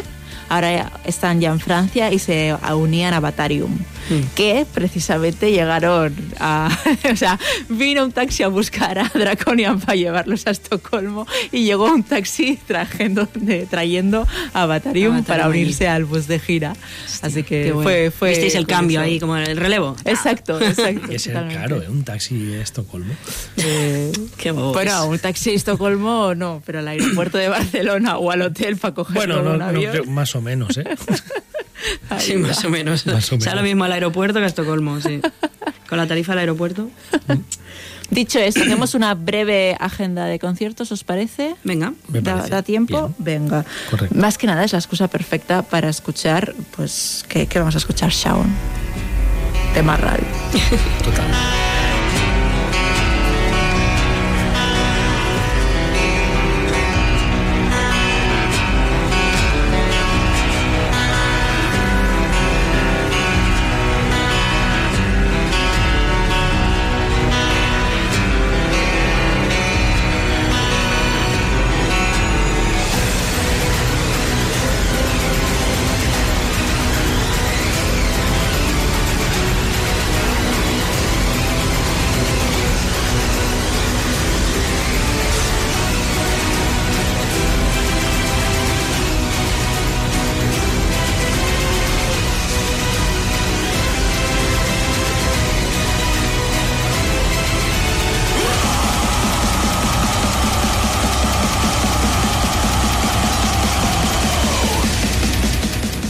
Una semana a la que viene muy completita de conciertos. Miércoles 26, por un lado, School Fees con Screamer en la sala Wolf.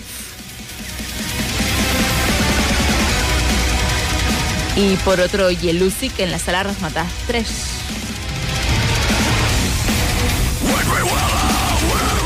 Tony está calentando motores para el jueves 27 ir a ver a Conception en la sala Salamandra.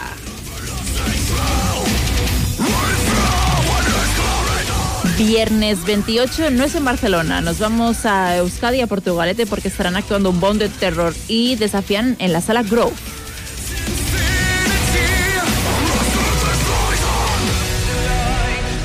El sábado 29 de abril, quien no vaya a un concierto es porque no quiere, porque hay de todos los estilos y para todos los gustos. Por un lado, festival en Gironella, la berguedana de thrash con Noctem, Celtiberian, Biolbast y Angosha.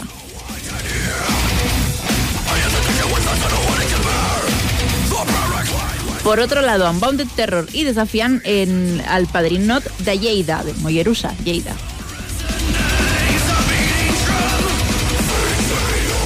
Como ha dicho Alfonso, Overkill, Exhorter y Hitten en la sala Razmataz. Y para los oscuros, Sebadne, Elebor y Perpetual Night en la sala Bóveda.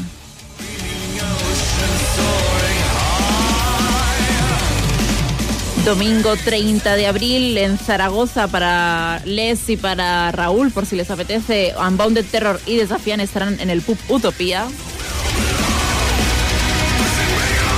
Aquí en Barcelona, concretamente en Las Traperlo, en Badalona, estará actuando Jolly Joker.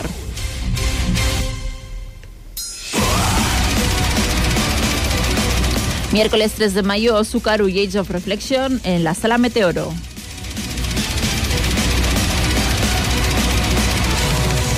...6 de mayo, Lacrimosa en la Sala Salamandra. Y finalizamos al domingo 7 de mayo con Geoff State en la Sala Razmataz 2, que, que te veo atenta. Te veo A ver si se hace ya por fin, ¿no? Que este es otro de los que han pospuesto 35 millones de veces. Pues a ver si entre si Conception Geoff y, y. Geoff Tate saldáis cuentas. Joder, macho. Me falta decir una cosa muy importante que también está en la agenda de conciertos, esta agenda de conciertos que ya sabéis que os podéis eh, suscribir para que quede en vuestro Google Calendar. eh, y así no os perdéis de ningún evento de Barcelona y cercanías. Es el domingo 14 de mayo, que está bloqueado porque de 9 a 12 solo podéis estar escuchando Eurovisión del Metal. Bien hecho, eh, jefa. Aquí en el octavo día. Punto. Lo- no hay más conciertos. Punto. Ya sé que sí, Tony. Sé que hay un concierto que te, que te pierdes a escáner y te duele, ¿no? Ah, pensaba que querrías ir, no lo sé. Es que no me lo voy a perder. ¿Cómo que no? Tú vas a estar aquí en Eurovisión del Metal. Sea, a punta Bueno, de pistola. Hay, hay que, habl- hay que hablarlo, ¿eh? No. Eh, ¿Qué os dije el 1 de octubre cuando empezamos temporada? Que este día era sagrado. Vengo de Ibiza con un avión que espero que no llegue tarde directa a la radio. de una competi. Han surgido problemas, Jenny. Vamos, Vamos a mal. tener que moverlo todo. Hay que volver a hacer el sorteo. Hay que mover Eurovisión. ¿Qué hay que hacer? Eh, algo va a haber que hacer, porque ha habido, ha habido problemas, ha habido problemas. Oh, pues no, no vas a tiempo. Tú sabes que yo, yo organizo todo con seis meses de antelación. Pues ha habido problemas. Vamos mal. En fin, lo que no nos vamos a perder es la semana que viene, yo en mi caso, un conciertazo oscuro, como os he dicho, porque Batne, Eleborn y Perpetual Night estarán actuando en la sala Bóveda. Nada, es súper baratísimo, 12 euros anticipada, 15 en taquilla, no sé a qué esperáis a adquirir vuestra entrada. Y por si no estáis convencidos, vamos rápidamente a escuchar un tema real del último lanzamiento de Eleborn, eh, Ama... Uy, a... a, Adma. Ma- Jolines, me ha costado, ¿eh? Gracias, Qué Tony. discazo, qué barbaridad. Por eso no hay que perderse este, este cartel. Para mí me parece un ca- gran cartel de bandas de aquí. Aparte, hablando de Eurovisión, Perpetual Night son los vigentes ganadores de Eurovisión del Metal 2022. O sea, os vais a ver a gente eurovisiva. Y aparte, Nevadne está Tristan, que forma parte de Shallow Waters, que son los ganadores de Eurovisión del Metal 2020. ¿Qué más queréis? Hola, Eurovisión del a Metal, saco tío. y oscuro. Es imperdible. Vamos con Eleborn y ese Goodbye Hope. Thank you.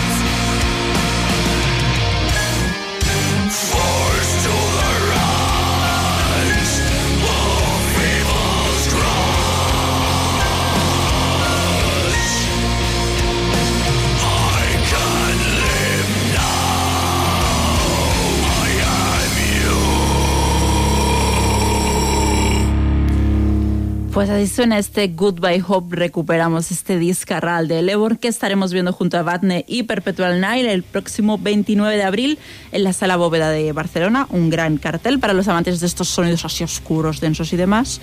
Que hay mucha competencia ese día, pero bueno. mm, es, yo creo que es un cartel muy bueno de tres grandes bandas nacionales. Mal no lo has hecho, ¿eh? Para venderlo. Bastante bien. pues ya. no recibo nada a cambio, simplemente como seguidora de las bandas y que me mola el género, creo que Claro, creo que que es que de vuelvan. obligada asistencia, la verdad. Está muy Yo bien que he visto a Overkill muchas veces y no fallan en directo, son una pisonadora. He visto a, a una vez y son una de mis bandas favoritas detrás de la historia y me sabe fatal perdérmelos. Y no he visto nunca Exorder y reventé el disco que ha puesto Alfonso en mi adolescencia. Me los voy a perder para ver a, a Evadne y, Muy bien, y Hellborn y Perpetual Night. Si, si necesitáis más que eso, ya es que no sé, no sé qué mejor publicidad podéis tener. No existe. No existe. Pues bueno, pues eh, después de esta sesión de conciertos pasados, presente, futuro, seguimos con más metal. Y no sé si- Bueno, bueno, bueno. O- o ¿Cómo que bueno? Bueno, bueno. Eh, Me estás dando muchos disgustos hoy, Tony, ¿eh? bueno, vamos a ver. Sí, sí, no, no. Ya te he dado el gordo. Me has dado el Lo- gordo. Lo demás, lo Muy demás- gordo. Lo demás es. Suave ya. ¿no? Am, estábamos hablando de. Antes hablábamos cuando puse Sistemia de, de los orígenes del metal progresivo, las primeras bandas eh, en España, seguramente, pues con Canarios y Ciclos y todo esto. Y una de las bandas que, que iniciaron, porque cumplen. ya cumplen 50 años, son ni más ni menos que las huestes de eh, José Carlos Molina, New una de las bandas que inició, pues eh, además eh, en paralelo a aquellos Jethro eh, que, que también usaban una flauta con banda de rock, era una, una bueno, y aún es una, una cosa rara, extraña. De hecho, este pasado viernes, a la vez que sacaba nuevo trabajo New, sacaba nuevo trabajo Jethro Tull, Rock Flauta, que es bueno, muy en la línea de Jethro Tull, la verdad. eh, pero bueno, ahora señor Anderson le ha dado por la mitología nórdica y ha cogido el rock de Ragnarok y el flote de flauta en nórdico. Le ha puesto diéresis a las os y ya queda tope Ya de está. nórdico. Y ha hecho un disco que es exactamente Jethro Tull, pero hablando de dioses nórdicos. La cuestión es que el mismo día, este pasado viernes, ya que Inma solo pone cosas que han salido este viernes, yo también me voy a apuntar a, a esa fecha, salía también Yo estoy vivo, una declaración de intenciones. Si queréis, eh, bueno, eh, una... No hacía falta, ya te vemos, José Carlos, estás vivo y, y bastante. Pero es un disco que me ha gustado. Es un disco agradable que pasa bien y que he pensado, ¿por qué no? Vamos a escuchar al Molina en el octavo día con el tema que da título y que abre este su nuevo trabajo. New, yo estoy vivo.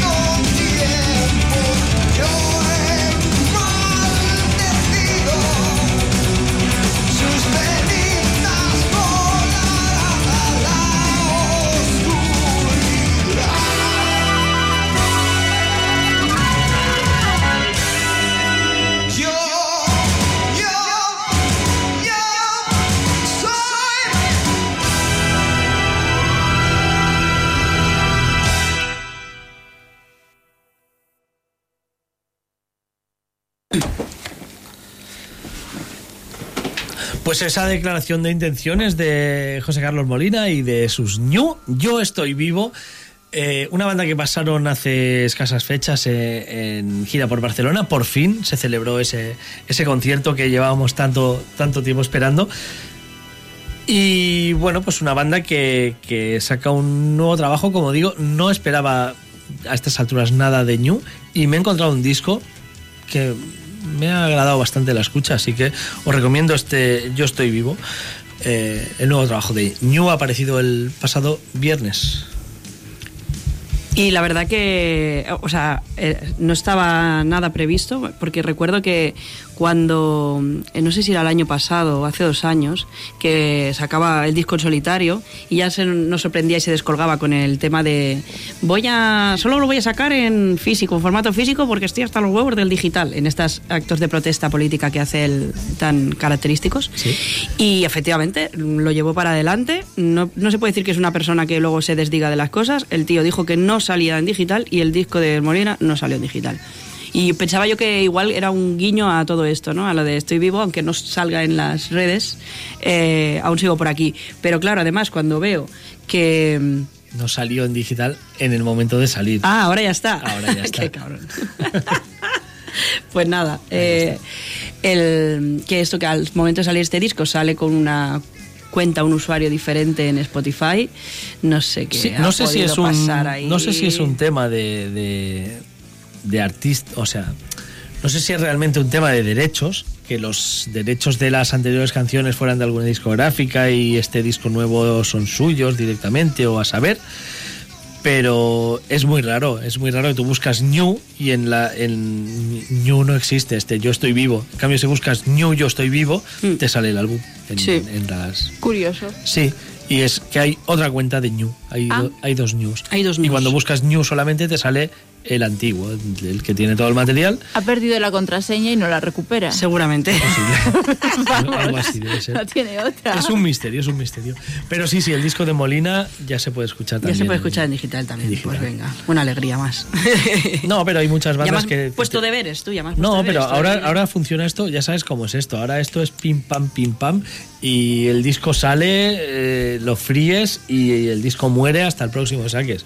Hmm. Y muchas bandas sí que hacen eso de retener el digital Sí, y todo eso que vendes. claro. Y, por ejemplo, el, el último de, de Arena, eh, además de estar carísimo en todas partes, menos en el concierto, que se lo comprabas en el concierto y está bien de precio, eh, no salió en digital. Es un disco de 2022 que también ha salido hace relativamente poco. Y claro, durante esos meses, quien quería escuchar el disco de Arena, o pagabas, creo que valía 40 euros el CD y 66 el vinilo, o en directo creo que eran 20 el CD y 25 el vinilo, algo así.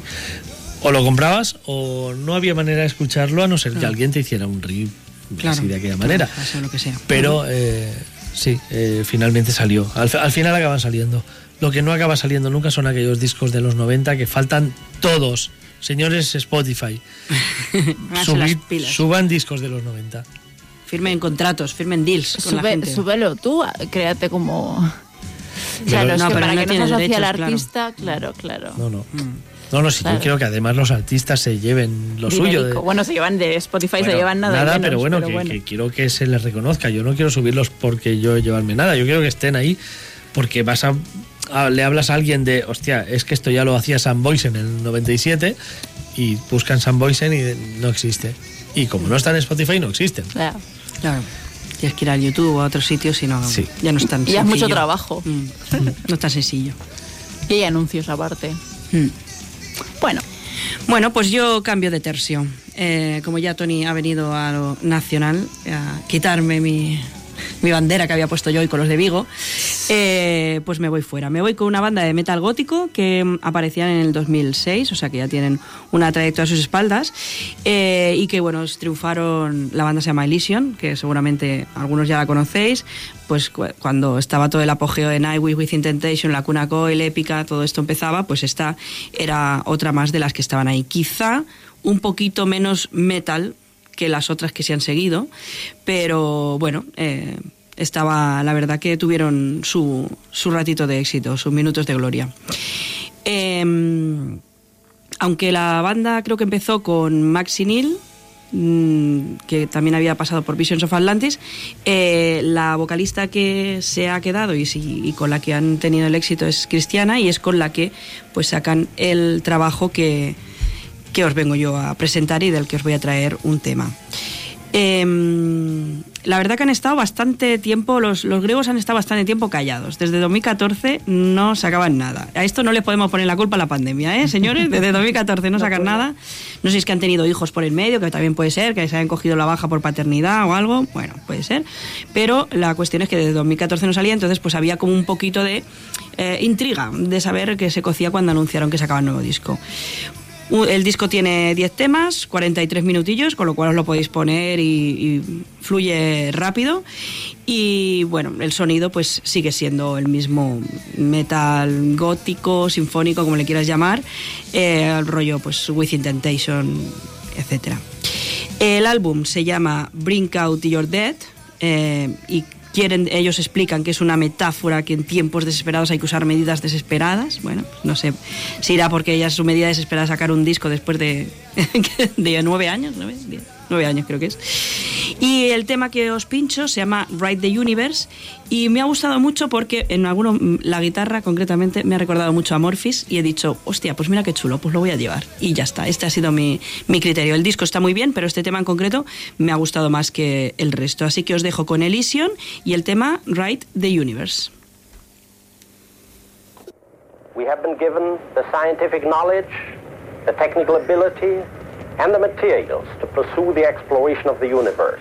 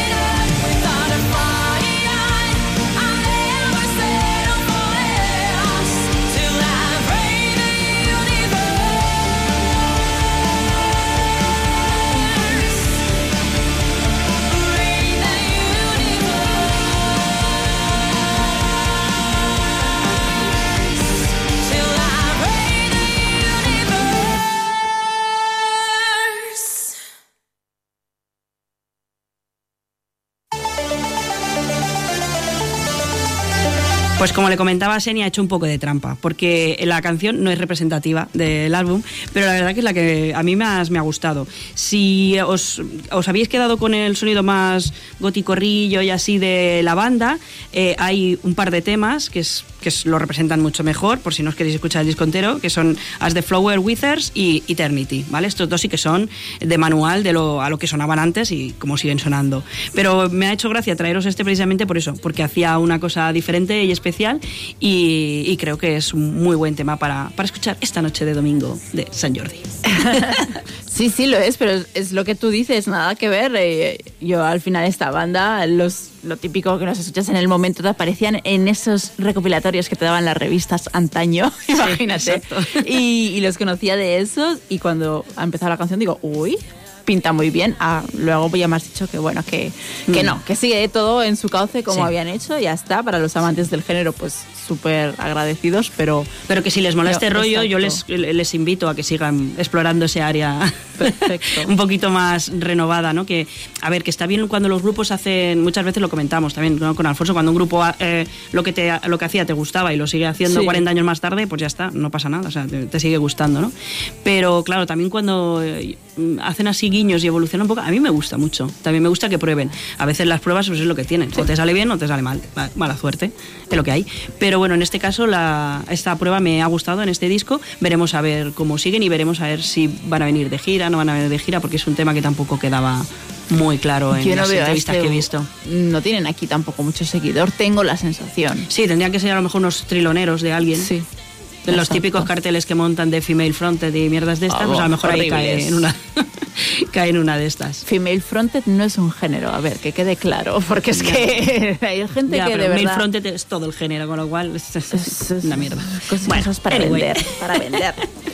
Seguimos con una petición que nos llegó a mediados de semana por parte de Enrique. Mail fronted. Eh, Mail creo fronted, que una mail fronted, sí. ¿Lo, lo añadimos en etiquetas? Sí, horrible. Yo no. Eh, la- eh, ponlo en tu lista de etiquetas de Tony. En- Exacto. En, esas, en esas. Depending on what is under your pants. Exacto, ese es el Exacto. estilo, depende de where is in the your Exacto. pants.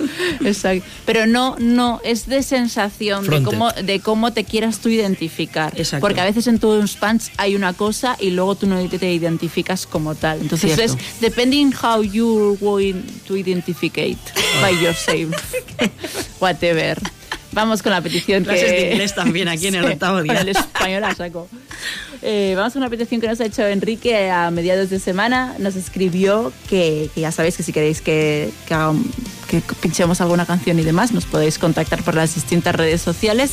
Y seguimos en Grecia, eh, vamos a, a a Atenas porque quiere que escuchemos a Etherian, una banda que se mueve en los terrenos del death metal de corte melódico, Insomnium, Bellacore y cositas así, por lo menos así es como se identifican. Y que, pres- que escuchemos su segundo largo, Storm Age, que vi- vio bueno, perdón, verá la luz el, el próximo 14 de julio vía Life for Records, pero ya tenemos un single adelanto, Army of Gaia, así que vamos a por esta banda eh, griega que Enrique nos recomienda a todos y todas que escuchemos. Vamos a escuchar estos Aetherian, a ver qué tal este death metal de corte melódico.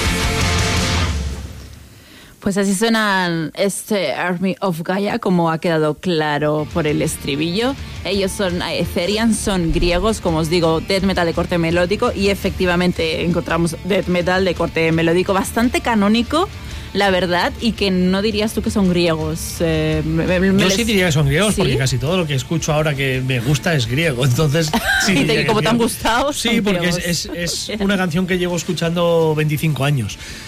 Y es efectiva, siempre. Es, es efectiva, pero no, no sabías identificar a qué banda pertenece. Sí, correcto. Poca personalidad en, ese, en, en algún aspecto. Pero, Pero- bueno, no tiene por qué ser malo. O sea, está No. dentro de ese estilo está, eh, está muy bien, la verdad. Eh, tiene unas guitarras muy melódicas, rollo Dispatched, que a mí me gusta mucho. Tiene un estribillo súper coreado. Como Dispatched. que- Sí. que mí me- bueno, es bastante Dispatched, la verdad. Ok, sí. Pues aquí queda la petición de Enrique, ya sabéis, eh, si queréis hacernos alguna petición, cualquiera de las vías de redes sociales, pues estaremos encantados de si encaja con el programa, que a veces nos llegan cosas que no encajan con el programa, pincharla por aquí. Bien, pues eh, Enrique, ya valoramos tu esfuerzo por irte al lado oscuro y... Pero- tú en Draconian, cuidado. Sí, por eso, por eso, Draconian y escuchar de melódico. Déjate de mierdas y atento, Enrique, esto va para ti. Para todos, ¿eh? Pero, eh, Enrique, céntrate. Nos vamos hasta Grecia. Ah, seguimos ahí. ¿Seguimos en Grecia? Trío de griegos. Y es que eh, en Grecia eh, se facturó uno de los discos, uno de mis discos favoritos de la década de los años 20, que es el primer trabajo de Sacred Outcry, un disco de heavy metal épico, absolutamente heavy, pero absolutamente putísimamente épico. Con la voz de Yanis Papadopoulos, que es ese señor que canta en Beast in Black y en otros proyectos de tecnodisco metal, pero que aquí canta epic heavy metal. Muy bien. Y es una voz perfecta para ese epic heavy metal. ¿Qué ha pasado con Secret Outcry? Que se ha ido. Janis gana mucho dinero en Beast in Black y poco en Secret Outcry, por lo tanto se ha ido. ¿Y qué ha pensado Secret Outcry? Vamos a ver, si nuestro primer disco suena a los Horizon y el cantante canta mm, similar al de los Horizon, ¿a quién vamos a meter como cantante? Al de los Horizon. A Daniel Heyman de los Horizon. Sujétame el cubata. Con lo cual, el segundo trabajo de eh, Sacred Outcry directamente lo va a cantar Daniel Heyman, el ex vocalista eh, de los Horizon. El disco se va a llamar Towers of Gold. Y ya no solamente el hype de que me flipe su primer disco, de que cante Daniel Heyman en este segundo disco, sino que creo que es el disco, antes de escucharlo, del que he leído más críticas de 10 sobre 10 Cojones. de, de la historia. Porque mínimo he leído ya cuatro críticas que le ponen 10 sobre 10. Ante todo esto, el pasado 3 de abril se estrenaba el tema de Voyage, que es el tema adelanto. Y claro, mm, a mí me deja sin respiración. Enrique, déjate de historias y métele a esto. Sacred Outcry, el disco saldrá el 19 de mayo. Tenemos el adelanto de Voyage.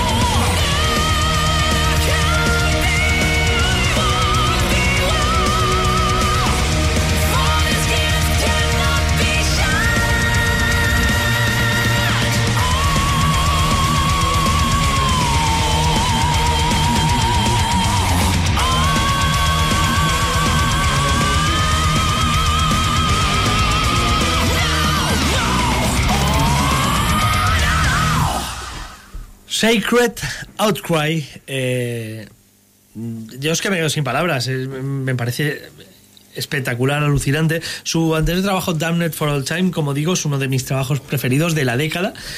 Y, y este es que tiene pinta de ir hasta superarlo. Mm, Y no, no, vamos. Bueno, el- sí, sí, el adelanto es brutal, ¿eh? El adelanto es Como vaya brutalísimo. todo el disco así. Os recomiendo, si os ha gustado este adelanto, que mientras no sale este disco, como digo, el próximo 19 de mayo, os queda un mesecito, rescatéis el Damned for All Time, que Yanis Papadopoulos mm, no es Daniel Heeman, pero se le acerca bastante, eh, sube, sube también considerablemente el amigo.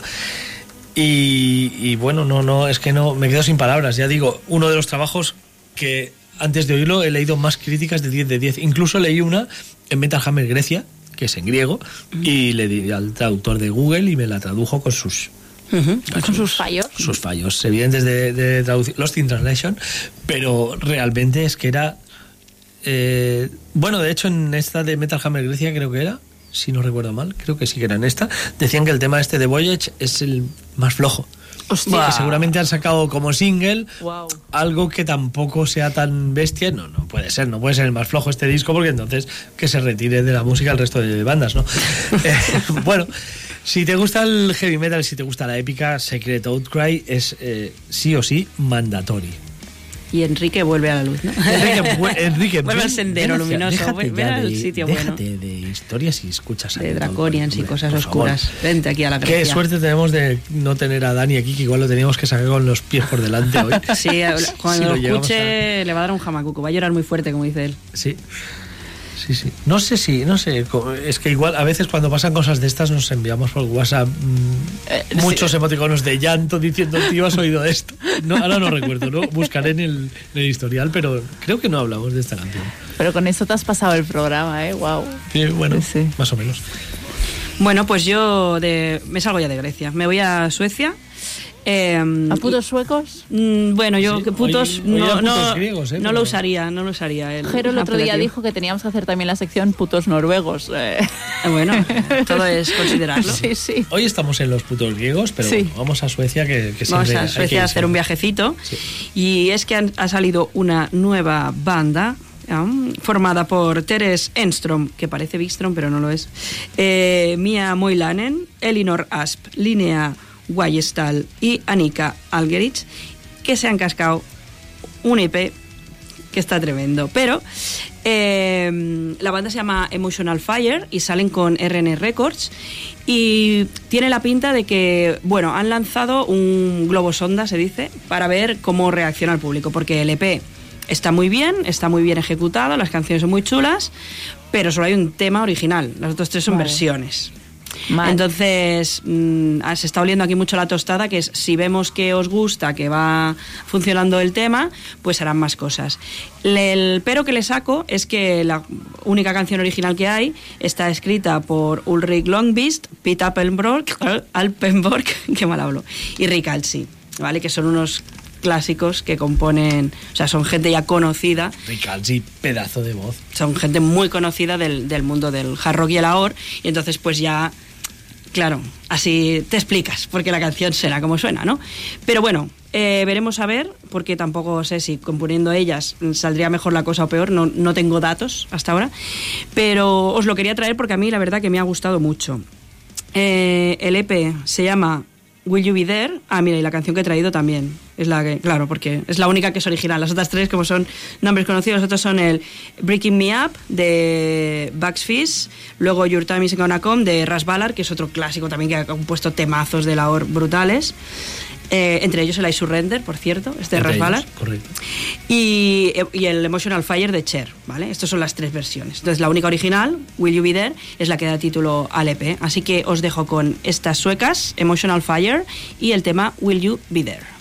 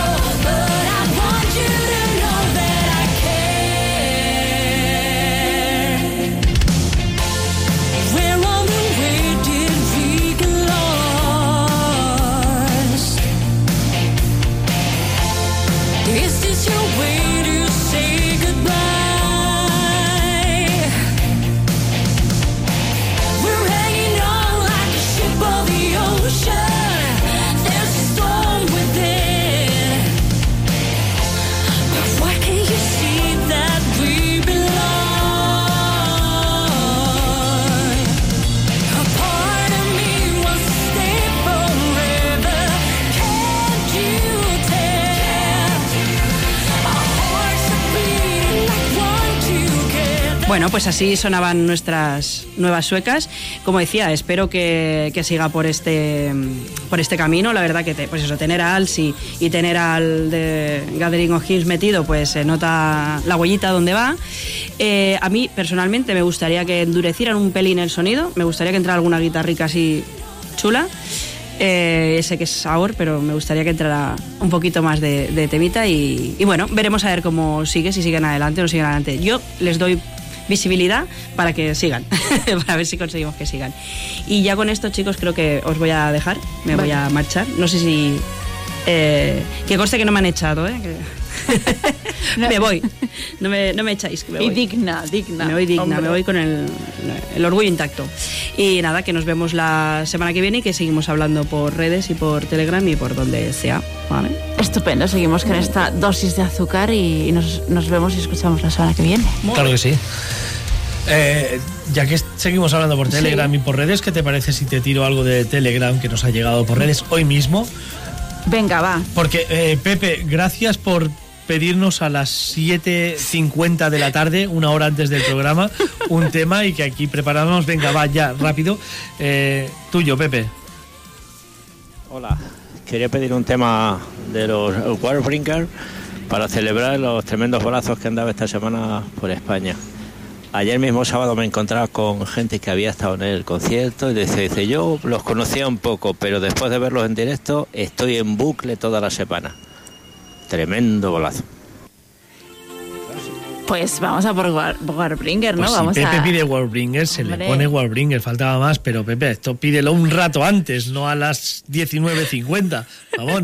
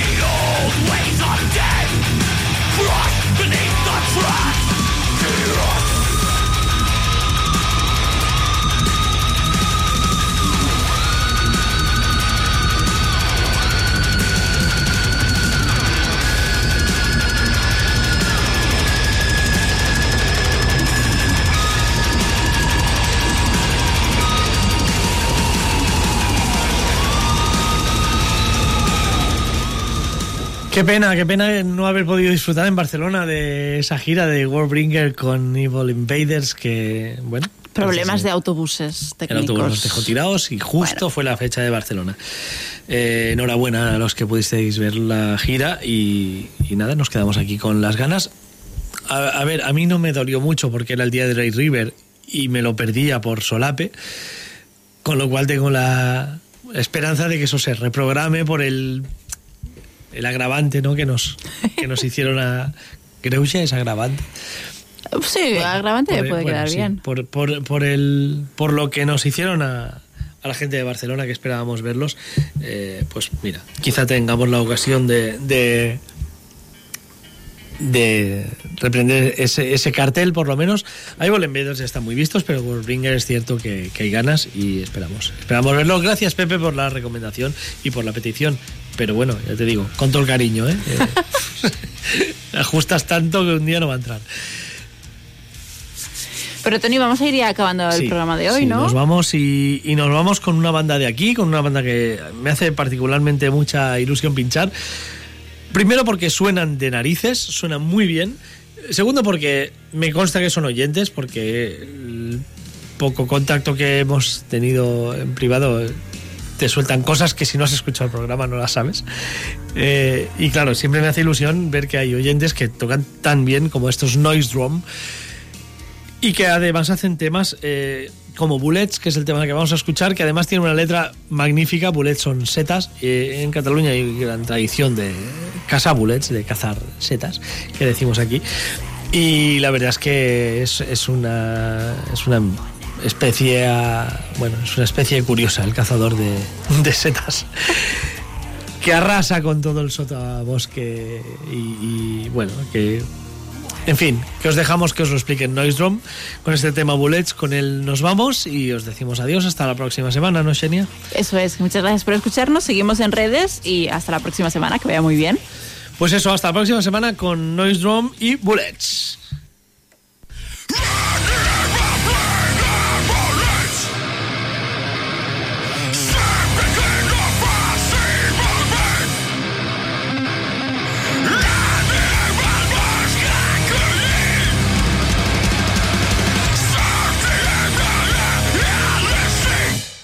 Run.